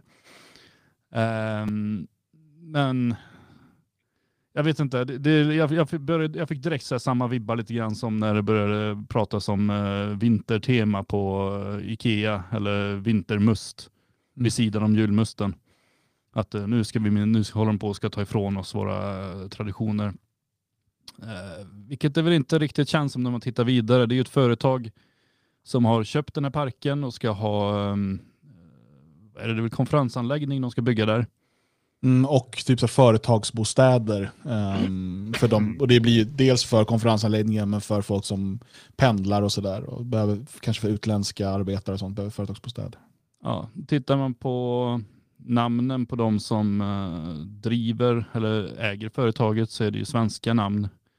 Det är ju inga muslimer eller så. De kan ju vara sossar eller miljöpartister, det vet ju inte jag. Men, men det, är ju, det är ju svenska namn i alla fall. Jag gissar väl på att de har ju köpt den här parken och insett att eh, här har vi tre statyer av eh, ja, Sveriges mest kända skulptörer som vi säkert kan få tillbaka en del av pengarna vi har satsat på att köpa den här parken och då lagt ut den på auktion. Jag tror inte att det ligger någon djup eh, alltså antikristna tankar. Men hade det varit talibaner så hade de ju slått sönder statyerna. Ja, nej, det gäller väl att hålla isär sakerna här lite bara. Eh, var bara intressant eh, med, med, liksom med tanke på att det var så många upprörda röster i sociala medier. Att ibland kan det vara bra att göra lite efterforskningar här. Och, och, alltså Fria Tider är väldigt duktiga på att skriva eh, klickvänliga rubriker och delningsvänliga rubriker. Eh, men ibland måste man själv bara kolla upp, okej vad är det för företag, vad gör de där egentligen? Eh, och Jag skulle säga att det här är snarare ett utslag för de råa marknadskrafterna. Eh, det är ett företag som har köpt upp parken, de vill göra det till konferensanläggning. Eh, de kan tjäna pengar på att, eh, eller åtminstone få tillbaka lite av pengarna, på att sälja statyerna. Eh, och det är därför man gör det. Eh, Ja. Inte för att man vill ha bort, man, man, man är emot kristna liksom, i första hand. Nej, och det är väl alltså, jag kan väl säga att jag tror väl någonstans att det är en felsatsning. Jag menar, att ha den här konferensanläggningen med de här fantastiska statyerna i omgivningen hade ju inte Mm. varit fel. Alltså det hade ju snarare kunnat vara en del av marknadsföringen för att det är ju, det är ju fantastiska statyer. Um, framförallt uh, Guds hand av uh, Milles är ju helt underbar. Jag skulle inte sälja den om jag hade liksom, köpt Kan inte någon köpa den och, så så vi kan ha den i Svenskarnas hus? Det hade ju varit grymt. Det hade varit coolt, ja. eh, nej, men eh, jag ska också tillägga att sådana här statyer har ju flyttats många, alltså massor, det händer hela tiden. Jag menar, det har kungar beslutat om och det har eh, riksdagar beslutat om och det har alla möjliga sammanhang beslutats att det flyttas statyer, även om de största, finaste konungarna. Mm. Så det är inte så konstigt. Det som kan vara lite tråkigt är att eh, en staty, en här lite mer av lite ibland lite kolossalare eh, variant, den, eh, liksom, den vänjer sig vid sin plats. Eh, jag vet inte vilken staty det var som stod mot vassen till där. Men eh, jag tyckte att den, eh, den har funnit en väldigt eh, behaglig plats. Mm, ja, Och det, de, de gror ju in statyer och liksom skapar plats, med om att sta, skapa platsen. Och då kan det vara lite sorgligt när de försvinner på det sättet. Mm. Och bara hamnar på ett lager eller hamnar i, en, eh, i ett museum eller vad som helst. Jo, nej det är ju jättetråkigt. Det är, det är ju likadant om man går runt på, på eh, vad är det, Nationalmuseum i Stockholm eh, och även Historiska museet, framförallt Historiska museet och, och ser så här, här har vi delar från kyrkor som vi har varit och plockat runt om i Sverige och ställt upp här som ni kan titta på. Det görs ju inte alls på samma sätt som det hade gjort i kyrkorna.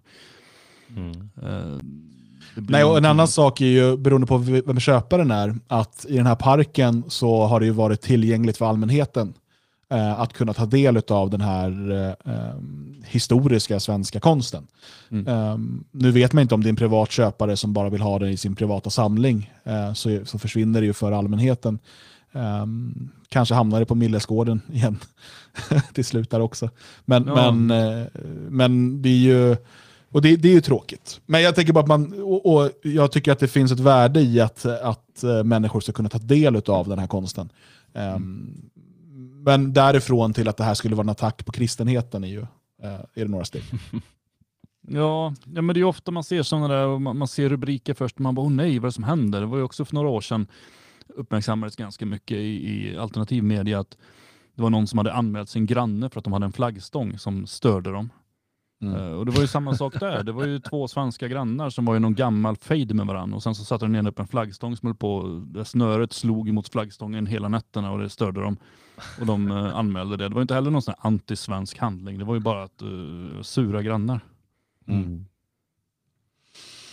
Ja, eh, då har vi rätat ut det i alla fall. Och jag tänker att vi ska, vi har varit inne lite på det, men vi kommer ändå in på det som är titeln på, på dagens eller kvällens sändning när människan vill vara Gud.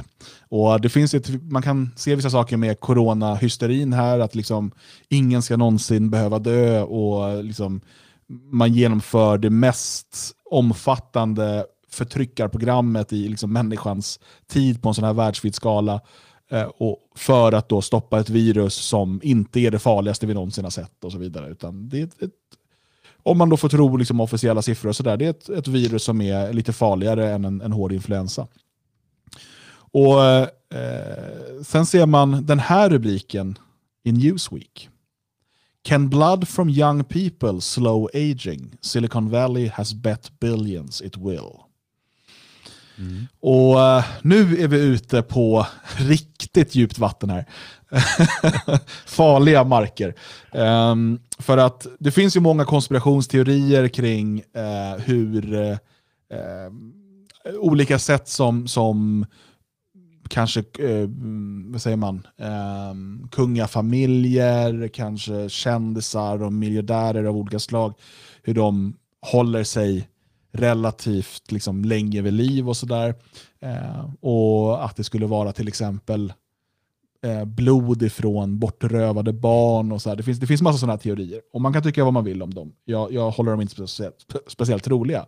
Samtidigt, och, och det är så här, någonstans blir det så här, alla de här konspirationsteorierna Eh, vi pratade om chip nyligen. Det är så här, den, den stora konspirationsteorin, eller en av konspirationsteorierna kring vaccinet är ju då att det skulle finnas någon typ av mikrochip i de här som implanteras. Och nu, är det så här, men nu har vi ett mikrochip som kan mäta covid-19. Och här pratar då Newsweek eh, om hur eh, blod från unga människor kanske kan stoppa åldrandet, eller eh, sakta ner åldrandet. Mm. Och att man nu investerar miljarder i eh, forskning kring hur det här skulle kunna gå till. Och att man då skulle kunna på något sätt då förädla blod från unga friska människor, injicera det i åldrande människor och på så sätt eh, sakta ner åldrandet. Mm. Eh, och jag vet inte, eh, Jalle, du, du kan historia bra, men det känns som en sån här sak som, det är väl något som människan alltid har sökt. Ungdomens källa på något sätt. Sätt att stoppa åldrandet. Eh, men jag får, jag får kalla kårar av den här rubriken. Jo, jag får nog också kalla kårar och jag skulle nog sa, säga att eh, det kanske är någonting som har kommit de senaste kanske ett par hundra åren. eh, Om man, om man kollar litteratur och så, jag försöker tänka mig efter hur, det, hur man för, föreställer mig under antiken. Nej, jag kan inte komma på något sånt. Under medeltiden var det inte heller eh, i vår del av världen någon stor grej. Nej, jag tror att det är nya idéer. Mm. Mm. Jo, och sen det finns ju... Eh, och det, här, jag- det här jag då tänker också det här med att leka Gud. Att eh, Det finns någonting i vår ateistiska värld. Eh, och där, där vi liksom ersätter Gud och gudar med oss själva. Eh, och där vi är så rädda för att dö eftersom att vi inte tror på någonting efter döden. Och därför vill vi klamra oss fast vid livet för evigt. Samtidigt som det för tidigare civilisationer och tidigare generationer har varit, det finns ju till och med liksom en förolämpning, må du leva för evigt. Eh, så att det, det är absolut på det sättet någonting eh, som har, har förändrats. Och eh, jag tänker Björn, vad, vad säger du om jag säger en, en möjlig dystopisk framtid där Eh, Okej, nu har vi covid-19. Eh, Man slår sönder medelklassen. Vi kommer att ha en stor andel, ännu fler fattiga i världen än vad vi hade för två år sedan. Eh, och en, en framtid där de fattiga hålls vid liv mot att de donerar sitt blod till de rika som vill kunna leva för evigt. Ja, alltså mm, det lär ju inte vara någon generell, liksom att alla fattiga kan leva på det för att eh, det finns ju trots allt många fler fattiga än rika. Eh, men, men definitivt, eh, det, det låter ju inte alls osannolikt. Eh, det, det, det finns ju liknande exempel och, och, och jag menar, det, det finns ju ändå dokumenterade exempel på organstölder och sånt där. Så att det, det är ju ingen tvekan om att eh, det är en lukrativ bransch. Ehm, Ja, man brukar ju säga liksom att enda sättet för en själv att leva för evigt, det är ju liksom att skaffa barn och att de skaffar barn och att man på så sätt lever vidare genetiskt. Nu kan man ju bara skaffa barn och sen är det bara att ha dem hemma och tappa av dem. Så, så lever man liksom. alltid. Jävla bag-in-box. Ja, man har en egen tapp hemma liksom. Det är bara... man, ska, man skaffar barn och så offrar man dem. Ja, Nej, så och så lever man vidare. Jag skojar bara. Jaha, okej. ja. Får inga idéer Oj. nu Jalle.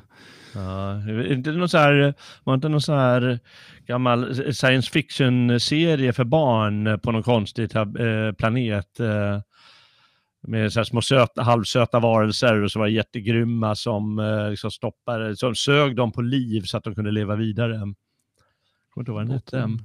Låter ju bekant. Ja. Men, ja, det finns ju flera sådana här teman i populärkulturen. Eh, en annan sån här eh, sak som man har talat om i, i många år nu och som det kommer ehm, fler och fler exempel på, det är ju det här med artificiella livmödrar. Ehm, där man pratar då om hur man ska kunna, eh, och man har gjort det här, man har lyckats på lamm till exempel, eh, att eh, Eh, alltså det, det är så absurt för att man eh, ett barn som då, ett, en, en, en, ett ägg som befruktas och eh, sen växer helt utanför en eh, människokropp. Eh, och man har visat här, jag kan visa ett litet kort klipp, hur man har tänkt sig att det här ska kunna bli. Och jag tänker bara om man kombinerar de här sakerna med att in, man, man ska producera barn i äggkläckningsstationer. Eh, och man ska, ska se om jag kan få det att funka, Ehm, och man ska sen kunna tappa barn på deras blod för att kunna leva för evigt. Har ni sett The Matrix? Hur eh, eh, människor ligger i de här ja, nästan äggkläckningsstationerna eh, för att hålla eh, de här, är det robotar, maskiner va, på en slag som är, hålls vid liv. Mm. Ja, just det. Ja. Eh, Jo, det har vi. Vi känner igen det gott och väl. Ja, Och det är någon som påmint oss också om att den här tv-serien hette Dark Crystal. just det. Just Och det. det är ju samma tema då, eller fast på ett helt annat sätt. Det finns eh, ett par israeliska företag som är ledande i den här utvecklingen. Jag ville bara lägga till det. Eh, och det här är en liten drömvision som ett av dem har. This is Martha Hör ni ljud nu? Ja. Mm. Be mother and father. They made the choice to fulfill their pregnancy with parturients. Parturients, which provides artificial wombs for anyone for the period of nine months. This Kan is man the ha den hemma parturients så? pod. Det är visionen. Som en vas liksom. It is similar to a pregnancy, but without the physical restrictions. Throughout this period, the family can live and work as they would normally do, whilst also being able to bond with their child. Just det. Du tar ju bort kvinnofällan. George A. Ja. Kan man jobba och betala skatt jätte, jättemycket? who is engaged with several interesting projects due 2051. This is a communication device which is connected with the parturient's pod. Nu pratar han med fostret via någon typ av mikrofon. Verkligen. Ja, men det här måste ju vara en skämtfilm eller? Ja. Det här är visionen. This is how the baby gets used to the voices of its future parents. Martha Aylward, 30. CEO of a company she Oj, started Vad oj, vacker oj, kvinnlig hur? vd. to ensure that the company meets Vilket their monster. Hon kan inte hålla på att vara gravid, eller It's hur? almost time to go home. Det finns ingen tid för sånt. This is a portable communication device used when not at home. In between her meetings and lunch breaks, she can communicate with the baby. By simply switching it on, you can feel the baby kicking. Det här är alltså en utopi de har. För oss andra är det här en the dystopi. Ja, ja, jag får ont i magen. George is setting the table for dinner. Just det, det är, mannen är hemma och lagar mat. Ja, ja. There's Martha. VD Marta, Marta kommer hem här. Kan dricka vin kan de göra också. Ah, det kan de göra. Kvinna, du kan fortsätta dricka rödvin och vara VD hela livet. for a special recipe that will set the preference of taste for their future child. Ska du dricka barnet? important part of the growth process is the nutrition intake. and Nu ska de mata barnet så, baby. och skapa... Ja, det är så jävla sjukt. After the food is prepared, it is placed in a capsule and placed in the parturient's pod for the baby. At night, the pod goes through the updates made by the hospital with the information. Vad händer efter nio månader? Vi This vet, vet ensures allihopa. The baby is healthy and the pod's program works without errors. Det kläcks som ett ägg då eller? Day is almost there. Så det hackar sig ut.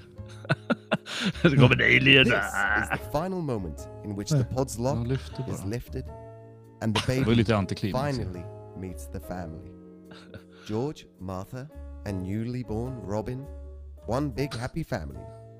Look how happy they are. Uh, alltså visst, vi skrattar, men det här är alltså visionen som en hel del, utav, en hel del har för framtiden. Men det måste, Där- ju, det måste ju ändå varit en skämtfilm. Det är eh, på gränsen. Eh, jag kan visa mer verkliga. De har ju, alltså, som sagt, man har ju gjort det här. Och, och mycket av det här har ju sålts in då med att man ska kunna rädda för tidigt födda barn. Eh, men så inser man att, men vänta, vi kanske till och med kan ha en artificiell livmoder från befruktningsögonblicket. Mm. Vad jag vill komma till här är ju att vi eh, ser en värld där vi mer och mer försöker vara Gud. Alltså styra över liv och död, styra över alltså alla de här sakerna som, som ligger utanför människans eh, kontroll. Um, och det borde man kunna acceptera vare sig man är eh, liksom religiös eller inte. Men eh, det är liksom dit vi är på väg. Och, och eh, jag, jag tänker på Dostojevskij eh, när man parafraserar eh, det här med om Gud inte finns så är allting tillåtet. Och det är någonstans där jag känner att vi hamnar, att man eh, har inte respekt för någonting av... För mig är det här att man inte har respekt för människolivet och människovärdet. Allt det här som vi pratar om, att man ska tappa unga människor på blod för att man ska leva längre, man ska eh, producera barn i eh, artificiella livmödrar och så vidare. Eh, och, eh, men, men jag märker också att det är en framtid som många utav eh, de moderna eh, soja eh, förstörda, testosteronsvaga, urbana människorna drömmer om. Mm. Jo men så är det ju, så är det ju definitivt. Och det, har, det där har ju pågått länge. Jag, jag minns för ett antal år sedan så satt jag på ett café i Göteborg och mm, råkade lyssna på samtalet intill med två unga kvinnor som satt och pratade och, och då var det så här bara, ja, eh, bara, jag, jag ska ju aldrig amma mitt barn för det är ju sinnessjukt. Och så här, och folk säger att det är naturligt men jag skiter väl i vad som är naturligt för att eh, vi lever faktiskt i en modern tid och bara, barnet blir lika lyckligt ändå bara det får mat. Och, och det skulle eh, liksom eh, eh, ja, hela, hela liksom uppväxten, allting från början till slut skulle liksom vara på den enklaste möjliga vägen. Det skulle göra så lite ont som möjligt och det skulle eh, inte hindra karriären på något sätt. Mm. Eh, och, och det är nog inte en helt ovanlig eh, bild hos, hos många människor som har blivit matade med det här. Nej, och dessutom så matas de ju med eh, den moderna feminism, feminismen och den utgår ju till eh, viss del i alla fall från eh, den här franska donnan Simone de Beauvoir. Och om jag minns rätt så förbannade hon sin livmoder både en och två gånger avskydde att hon hade en, en kvinnokropp som var förbannad till att vara ämnad för att föda barn. Mm. Och eh, det ingår ju då i kan man säga, den moderna feminismen. Till skillnad från kanske det för sekelskiftet 1900, då fanns det ju liksom eh, feminister som sa att ja, men kvinnokroppen är fantastisk. Kvinnan just lyfter fram det kvinnliga i kvinnan. Mm. Men eh, nu finns det ju tendens för att skala bort alla de där grejerna. Mm. För att det är i vägen. Till sojalivet.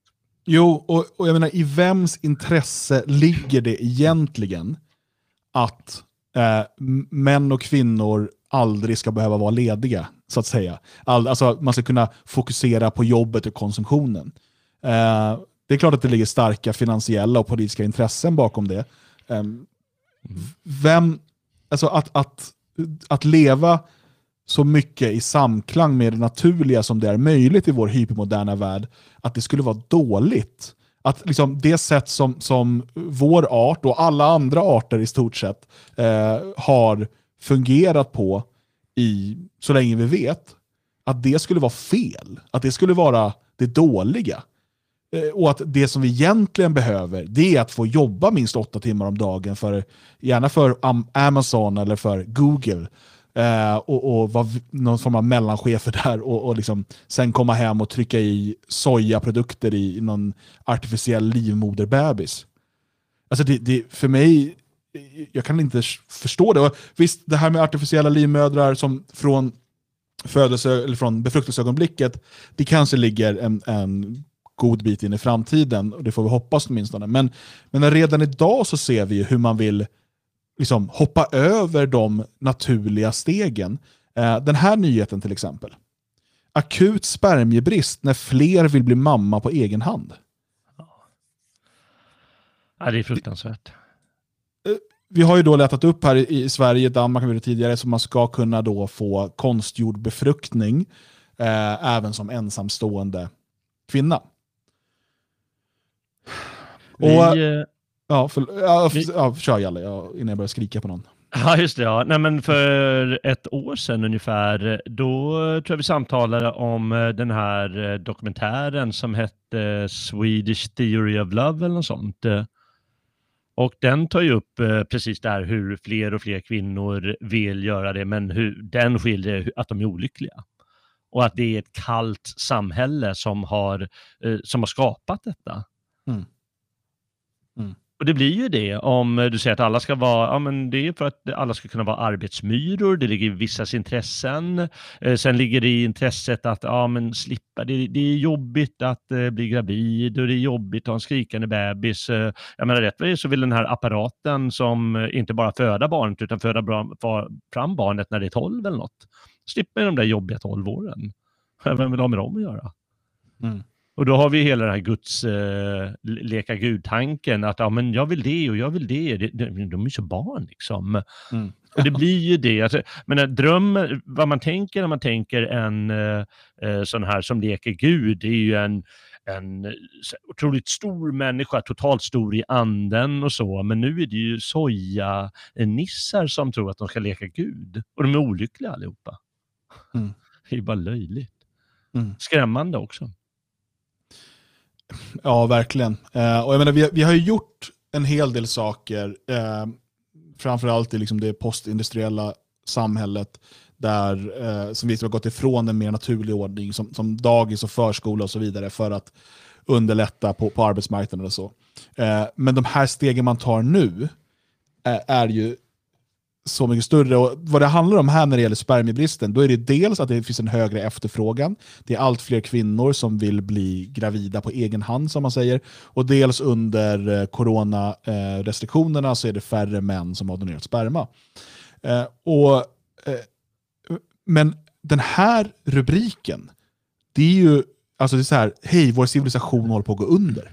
Mm. Och, och, och det är också det här som jag aldrig förstår med eh, de här kvinnorna som väljer då att eh, aktivt bli eh, gravida på egen hand som det kallas. Var, var är barnens perspektiv i det här? Är det någon som ens bryr sig om barnen? Jag känner att den här, det här avsnittet handlar mycket om barn. Det handlar om barn! men, men det är ju, alltså för mig är det så verklighetsfrånvänt att man ska tycka att det är okej att medvetet ta bort fäderna från barnen. Alltså, det, det kan hända saker. Eh, pappan kan dö. Du kanske blir gravid efter någon vild festnatt och inte ens vet vem pappan är. Han kanske drar, han kanske, ni kanske skiljer. Allt det här kan hända. Men att medvetet sätta sitt barn till världen utan eh, att den personen ska kunna veta vem deras pappa är. Det, för mig är det, eh, det är också, återigen, vad vi pratade om tidigare, det är barnmisshandel. Statligt sanktionerad barnmisshandel och förbannad egoism utav de kvinnor som väljer att gå den här vägen. Säg emot ja, mig. Fast, jo, men, jo, nej, men jag kan ju säga emot lite. Alltså, eh, I ganska stor utsträckning så handlar väl det här om kvinnor tror jag som är jag vet inte, en bra bit över 30-40 som eh, börjar inse att eh, ja, vägen de valde med karriär och sånt eh, var fel väg. Eh, sen kan det vara en del andra som har misslyckats eller haft långa förhållanden och inte har blivit barn av andra skäl.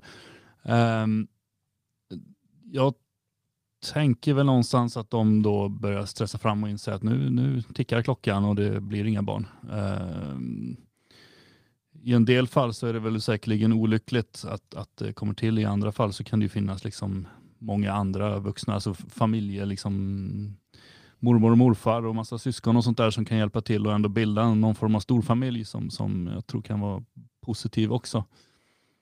Eh, jag tror inte det bara behöver vara negativt och tyvärr så har ju samhället skapat det här eh, att man ska satsa på massa andra saker innan man skaffar barn och sen plötsligt så blir det väldigt, väldigt bråttom. Eh, någonstans är det tragiskt och, och ett uh, uttryck för vart samhället är. Men att uh, belasta alla de kvinnorna som ändå liksom, någonstans vaknar till och skriker efter behovet av ett barn som är väldigt naturlig. Uh, det vill jag inte göra. Mm, jag, jag måste nog gå tillbaka till Dans perspektiv och leka Gud här. Eh, och i det att leka Gud är ju att eh, bli av med sitt eget öde. På något sätt är vi ödesbundna och eh, jag råkade få mitt barn ja, när jag var 25, när jag var 30, eller när jag var 35 eller inte alls. Det är ju oerhört många män som genom historien har levt under, eh, med det ödet. För det är, det är många fler män än kvinnor som inte har fått eh, bli pappor än eh, kvinnor har blivit mödrar. Och eh, de lever med det. Och man får väl leva med det helt enkelt. Om man inser att aha, nu är jag 45, ja, nej, men, oj, det blev visst inga barn. Ja, men då blev det ju inga barn. Nej. Då, är det väl så, då får man liksom bara leva med det ödet. Och det kanske är både sorgligt eller kanske inte är det, jag vet inte. Eh, Det, det är ju, eh, och du, du nämnde tidigare Jalle det här med att de är som barn. Och det är lite samma sak här, att man inte vill ta konsekvensen av sitt eget handlande.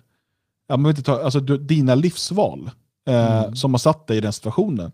Eh, sen, sen tror jag absolut att det finns barn som kan växa upp och vara lyckliga eh, eh, i en sån konstellation.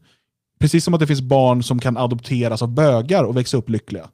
Men det betyder inte att det är, är rätt eller någonting man bör utsätta barnet för i onödan.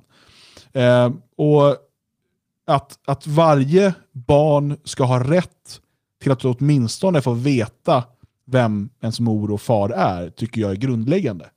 Um, och sen blir det inte alltid så, som sagt det finns tusen olika fall, men, men här är det ett medvetet val där man stjäl den här rätten ifrån barnet. Sen kan de ha en jättebra morfar eller morbror eller eh, kompis pappa eller vad det nu är. Men det är fortfarande så att rent biologiskt så är man 50% av en man som man aldrig eh, fått möjlighet att, att ens försöka få en, en, en anknytning till. Mm. Eh, Vi lever ju en tid eh, med, med skilsmässor och nya familjekonstellationer och så. Och eh, då får man väl eh, barn eh, den vägen. Det är väl jättemånga som får. Mm. Ja, och, och, men, men en viktig poäng som du gör Björn, det är ju att det här samhället eh, som vi har idag skapar den här typen av eh, fall, så att säga. Alltså kvinnor som, som kanske har gått på den här Sex and the City ehm, bilden utav att du kan liksom göra karriär fram tills du är 45 och sen är det bara att hitta en, en eh, Mr Big eller vad han hette och, och gifta dig med. Eh, som kommer då, och så kommer ni få lyckliga och fina barn och så vidare. Fast vi vet alla risker som finns med att få sitt första barn efter 35 eller efter 40. Eh, och all, alla de här sakerna som man... Ja, och, och sen finns det, kan det finnas tusen anledningar att man hamnar i den situationen. Men att det skulle vara en mänsklig rättighet. Alltså, rättigheten att få ha en mor och en far anser jag trumfar rättigheten att få, ha, att få barn. Och, och då måste man välja mellan de två. Du får säga emot mig igen om du vill. Eh, nej, jag har väl sagt vad jag vill ha sagt. Jag håller ju inte med dig, men håller på att argumentera. Det är väl... Vi ska skrika på varandra. Ja. ja. Ehm, jag eh, vill bara visa ett roligt klipp. För lätta upp stämningen. För att de här människorna då, feminister och liknande som, som försöker leka gud och, och, och skapa den här världen där man inte ska behöva vara gravid och man ska, eh, liksom, barn ska födas i någon typ av äggkläckningsmaskiner, eh, man ska typ, suga ut blod från barn och stoppa in i sig själv så man lever längre. Alltså, de, de har ju en annan bild av hur världen ser ut. Eh, och det är faktiskt en svensk feminist eh, som håller på med ett nytt datorspel. Och den visar rätt bra hur deras världsbild ser ut. Låt oss titta på trailern.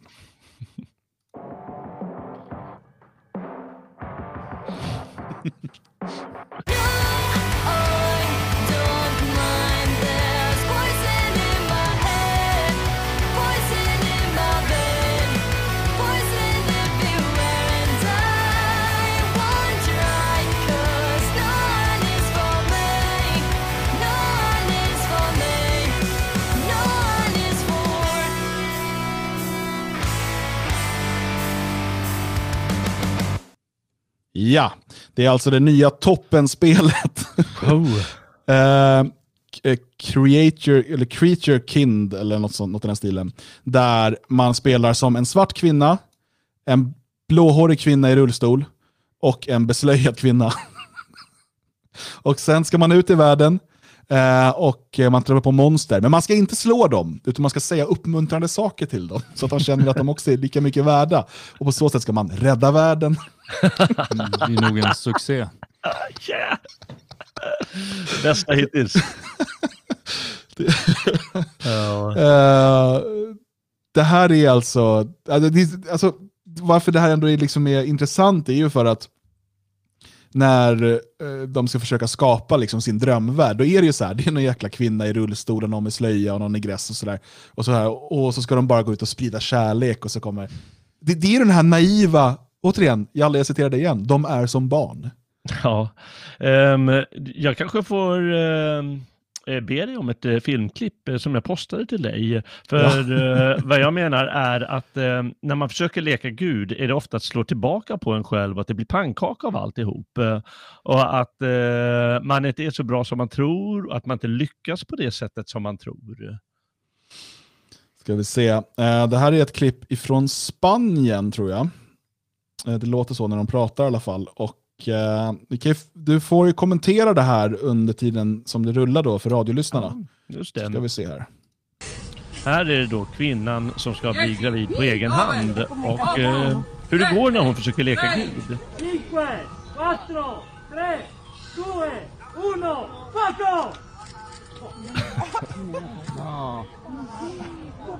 Vad är det hon ska göra här?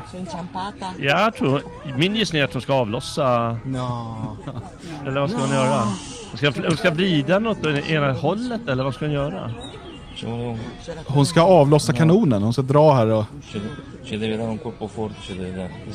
Men liksom det går inte. Nej.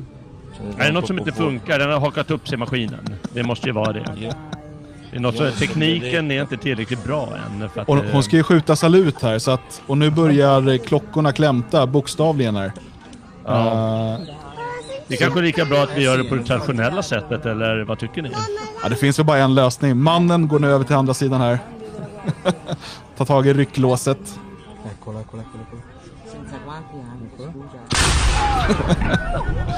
Och där eh, avfyrades kanonen.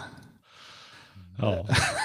Det En minut stod hon, stod hon och drog i, eh, i ja, rycklåset där. Ja, Det Eh, blev kärlek istället för våld. Håll i, som eh, statsministern sa.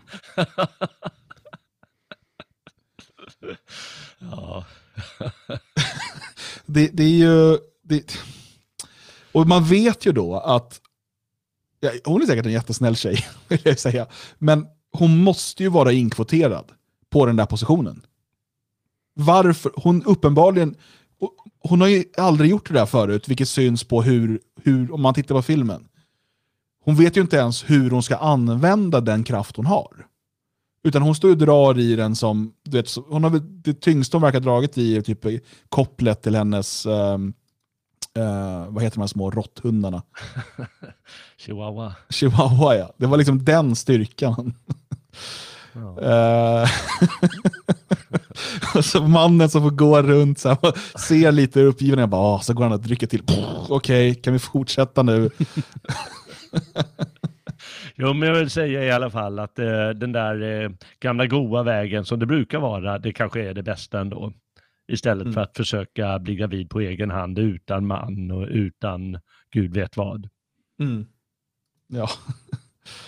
Ja. ja, man vill bara helt eh, bortse från eh, naturen och bara eh, förneka den. Leka Gud helt enkelt. Eh, ska försöka ta fram ett litet klipp här bara för att eh, det sista jag vill vi ska titta på, och eh, det är på ett helt annat ämne, för att vi behöver inte prata om Gud hela tiden. Det blir så långtråkigt för alla ateister. Eh, det var ju debatt igår i Agenda. Och för er som har lyssnat på senaste fredagstinget så vet ni att Moderaterna har producerat, publicerat ett eh, nytt integrationspolitiskt program och eh, regeringen har föreslagit eh, liberaliseringar av migrationslagstiftningen. För det är vad det handlar om. Den, liberaliseringar jämfört med den här temporära lagstiftningen som är.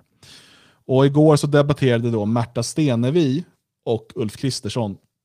Märta Stenevi, ny överste på Miljöpartiet och eh, Tuffe Uffe då från Moderaterna. Vilket gäng. Och, ja, Verkligen. jag tänker bara att vi kollar på det här klippet från SVT där, eh, ehm, där, där Märta Stenevi får ta fram det absolut vanligaste exemplet på flyktingar. Eh, och eh, sen får vi se den neutrala programledaren på public service eh, säga sitt. så många asylsökande även nu jämfört med Norge, Danmark och Finland. Mm.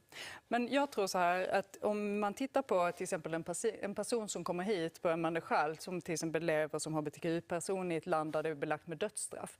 Att vi skulle gå till svenska folket och säga nej den här personen kan aldrig familjeåterförenas därför att det har varit förbjudet med dödsstraff att bo tillsammans i hemlandet. Det tror inte jag att du har med dig en förkrossande majoritet på. Jag är rätt övertygad om att de flesta ser rimligheten i det. Eller när de ser sina barns klasskamrater som har vuxit upp här, som har varit här i sex år, Ser att du de då har rimligheten? möjlighet att stanna. Det tror jag. HBTQ-personer har ju självklart rätt att söka asyl om man har asylskäl. Vad det här betyder det är att all, människor som inte har varit sammanboende överhuvudtaget Okej, bara... jag, jag bara... Alltså det är den här delen när... Jag är rätt övertygad om att de flesta Lyssna på ser henne nu. rimligheten i det. Eller när de ser sina barns klasskamrater som har vuxit upp här, som har varit här i säger du, sex Kristersson? år, Ser du rimligheten Vad säger du Kristersson? Ser du rimligheten i det? Ska bögar dödas eller? Vad var det?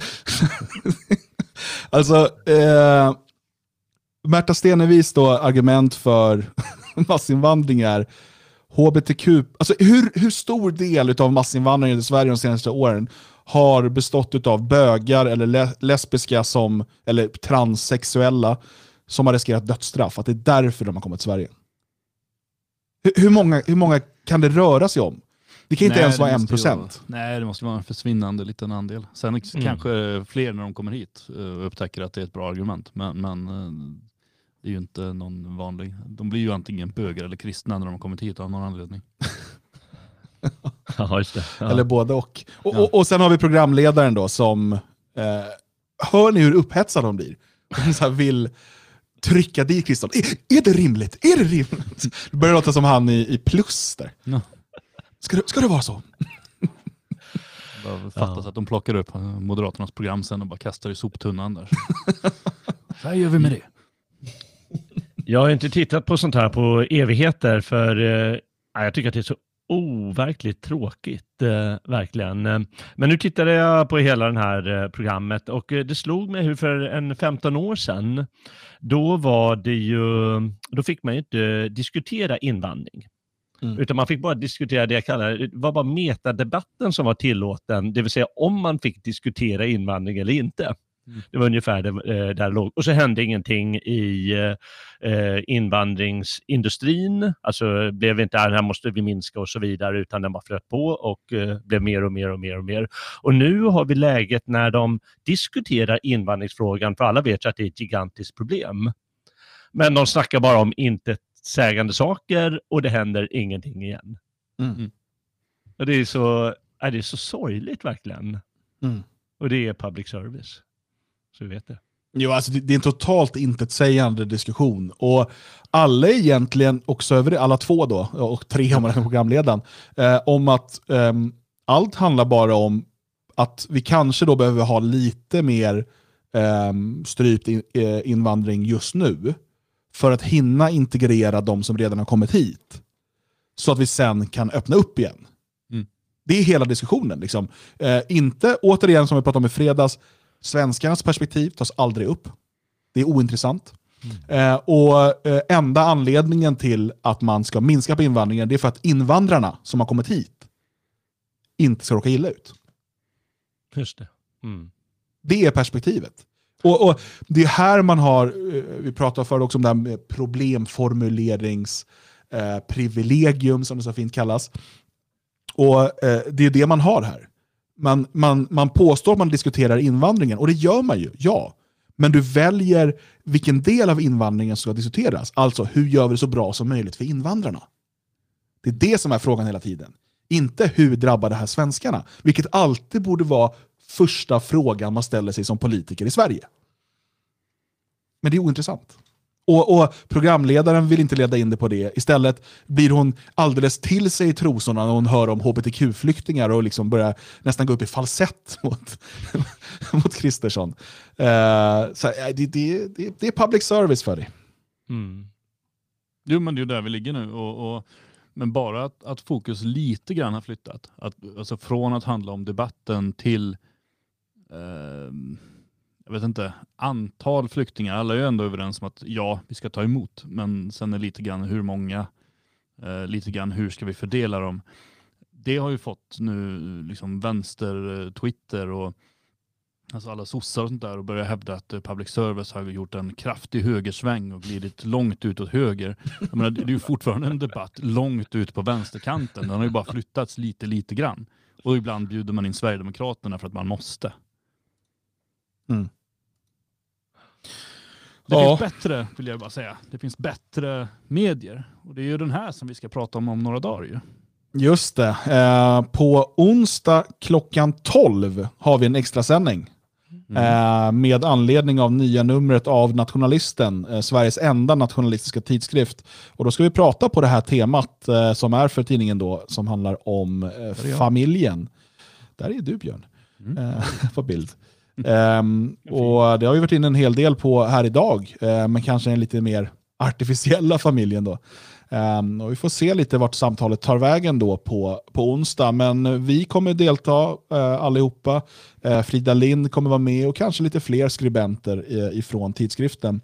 Om du inte redan har det här senaste numret så går du in på nationalisten.se och eh, beställer det. Det finns som lösnummer. Eh, passa också på att teckna en prenumeration så är du med från nästa nummer. Nästa nummer kommer handla om invandring och demografi. Det har vi faktiskt inte haft något nummer om än och då är vi ändå på nummer det blir nummer 15 nästa nummer va? Jag vet inte, jag räknar ju inte så. Nej, nej du räknar ju sådär konstigt. Räkna neråt istället. Du vet hur många det kommer bli till slut. Så att det är bara... Ehm, så på onsdag klockan 12 eh, kommer vi sända på D-Live och på Odyssey och på Radio Svegot. Ehm, både då med video och även då radioversion. Ehm, och man kommer såklart kunna ta del av det här i efterhand.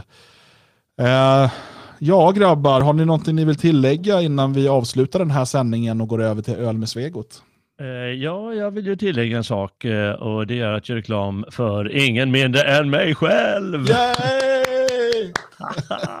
Bra, det var allt du ville säga bara. Ja, det var bara det. ja. Nej, men eh, det är att eh, i, eh, imorgon då kan man lyssna på mig och Robin Holmgren när vi pratar om någonting som, jag tror det var Linda i vanlig ordning, hon är flitig i chatten. Hon skrev att vara på flykt från ansvar och så vidare. Och det är vad morgondagens program handlar om. Det handlar nämligen om en eh, norsk dramatisk dikt som heter Per Gynt. Och Per Gynt han flyr hela tiden från ansvar och till slut låter han, eh, råkar han ut för det absolut värsta man kan råka ut för. Och det är inte djävulen, för han träffar djävulen också, utan det är knappstöparen. Knappstöparen vill stöpa om hans själ. Aj, aj, aj. Aj, aj, aj, ja. Och, eh, ja, men det, jag tycker det var ett bra program, ganska långt, en och en halv timme, men eh, det är ett av de bästa som har skrivits någonsin. Så mm, om, du, om det kan, kan låta intressant så varsågod och lyssna imorgon. 20.00 ja, på svegot.se. Och tycker du att Radio Svegot är bra? Tycker du att de här programmen är bra och viktiga och att de ska fortsätta produceras och dessutom spridas till ännu fler människor så går du in på svegot.se och så tecknar du en stödprenumeration. Då kan du välja att stödja eh, vår verksamhet eh, på månadsbasis, eller årsbasis eller kvartalsbasis. Det lite olika val där. Från 50 spänn i månaden eh, och då får du också vara med på framtida redaktionsmöten. Du kommer få lite inbjudningar till middagar och sånt när det går igen. Och Eh, dessutom tillgång till forumet och lite annat smått och gott. Men vi försöker att hålla alla poddar öppna för allmänheten, men det är bara möjligt tack vare stödprenumeranter och för er som donerar. Om du eh, inte vill bli stödprenumerant eller om du eh, känner att du vill ge en extra gåva så kan du trycka på donera eh, och donera en engångssumma. Har du inga ekonomiska möjligheter att hjälpa till, se till att sprida programmen, eh, berätta för dina vänner eh, och dela i sociala medier och så vidare. Så drar vi alla vårt strå till stacken. Jag har här också delat ut citroner till eh, ni er som har varit med i chatten på D-Live. Eh, Kjell, Tina, Nintendo-Jimmy, KSP, Hedning och Snabb har fått eh, de största eh, citronskålarna. Eh, stort grattis till er. Nu, du som är med och lyssnar live, gå in på Telegram, söka upp Radio Svegots chatt, eh, så kommer det inom kort starta en så kallad voice chat där, eh, där du kan delta. Det kommer komma en länk där. Och där kör vi öl med Svegot. Eh, så hoppas du har någon på kylning nu, så snackar vi lite strunt och eh, ja, umgås en liten stund här efter sändning. Nu tackar vi för oss och eh, önskar en riktigt eh, härlig vecka till er alla. Trots alla de här underliga sakerna vi har pratat om. Hej hå!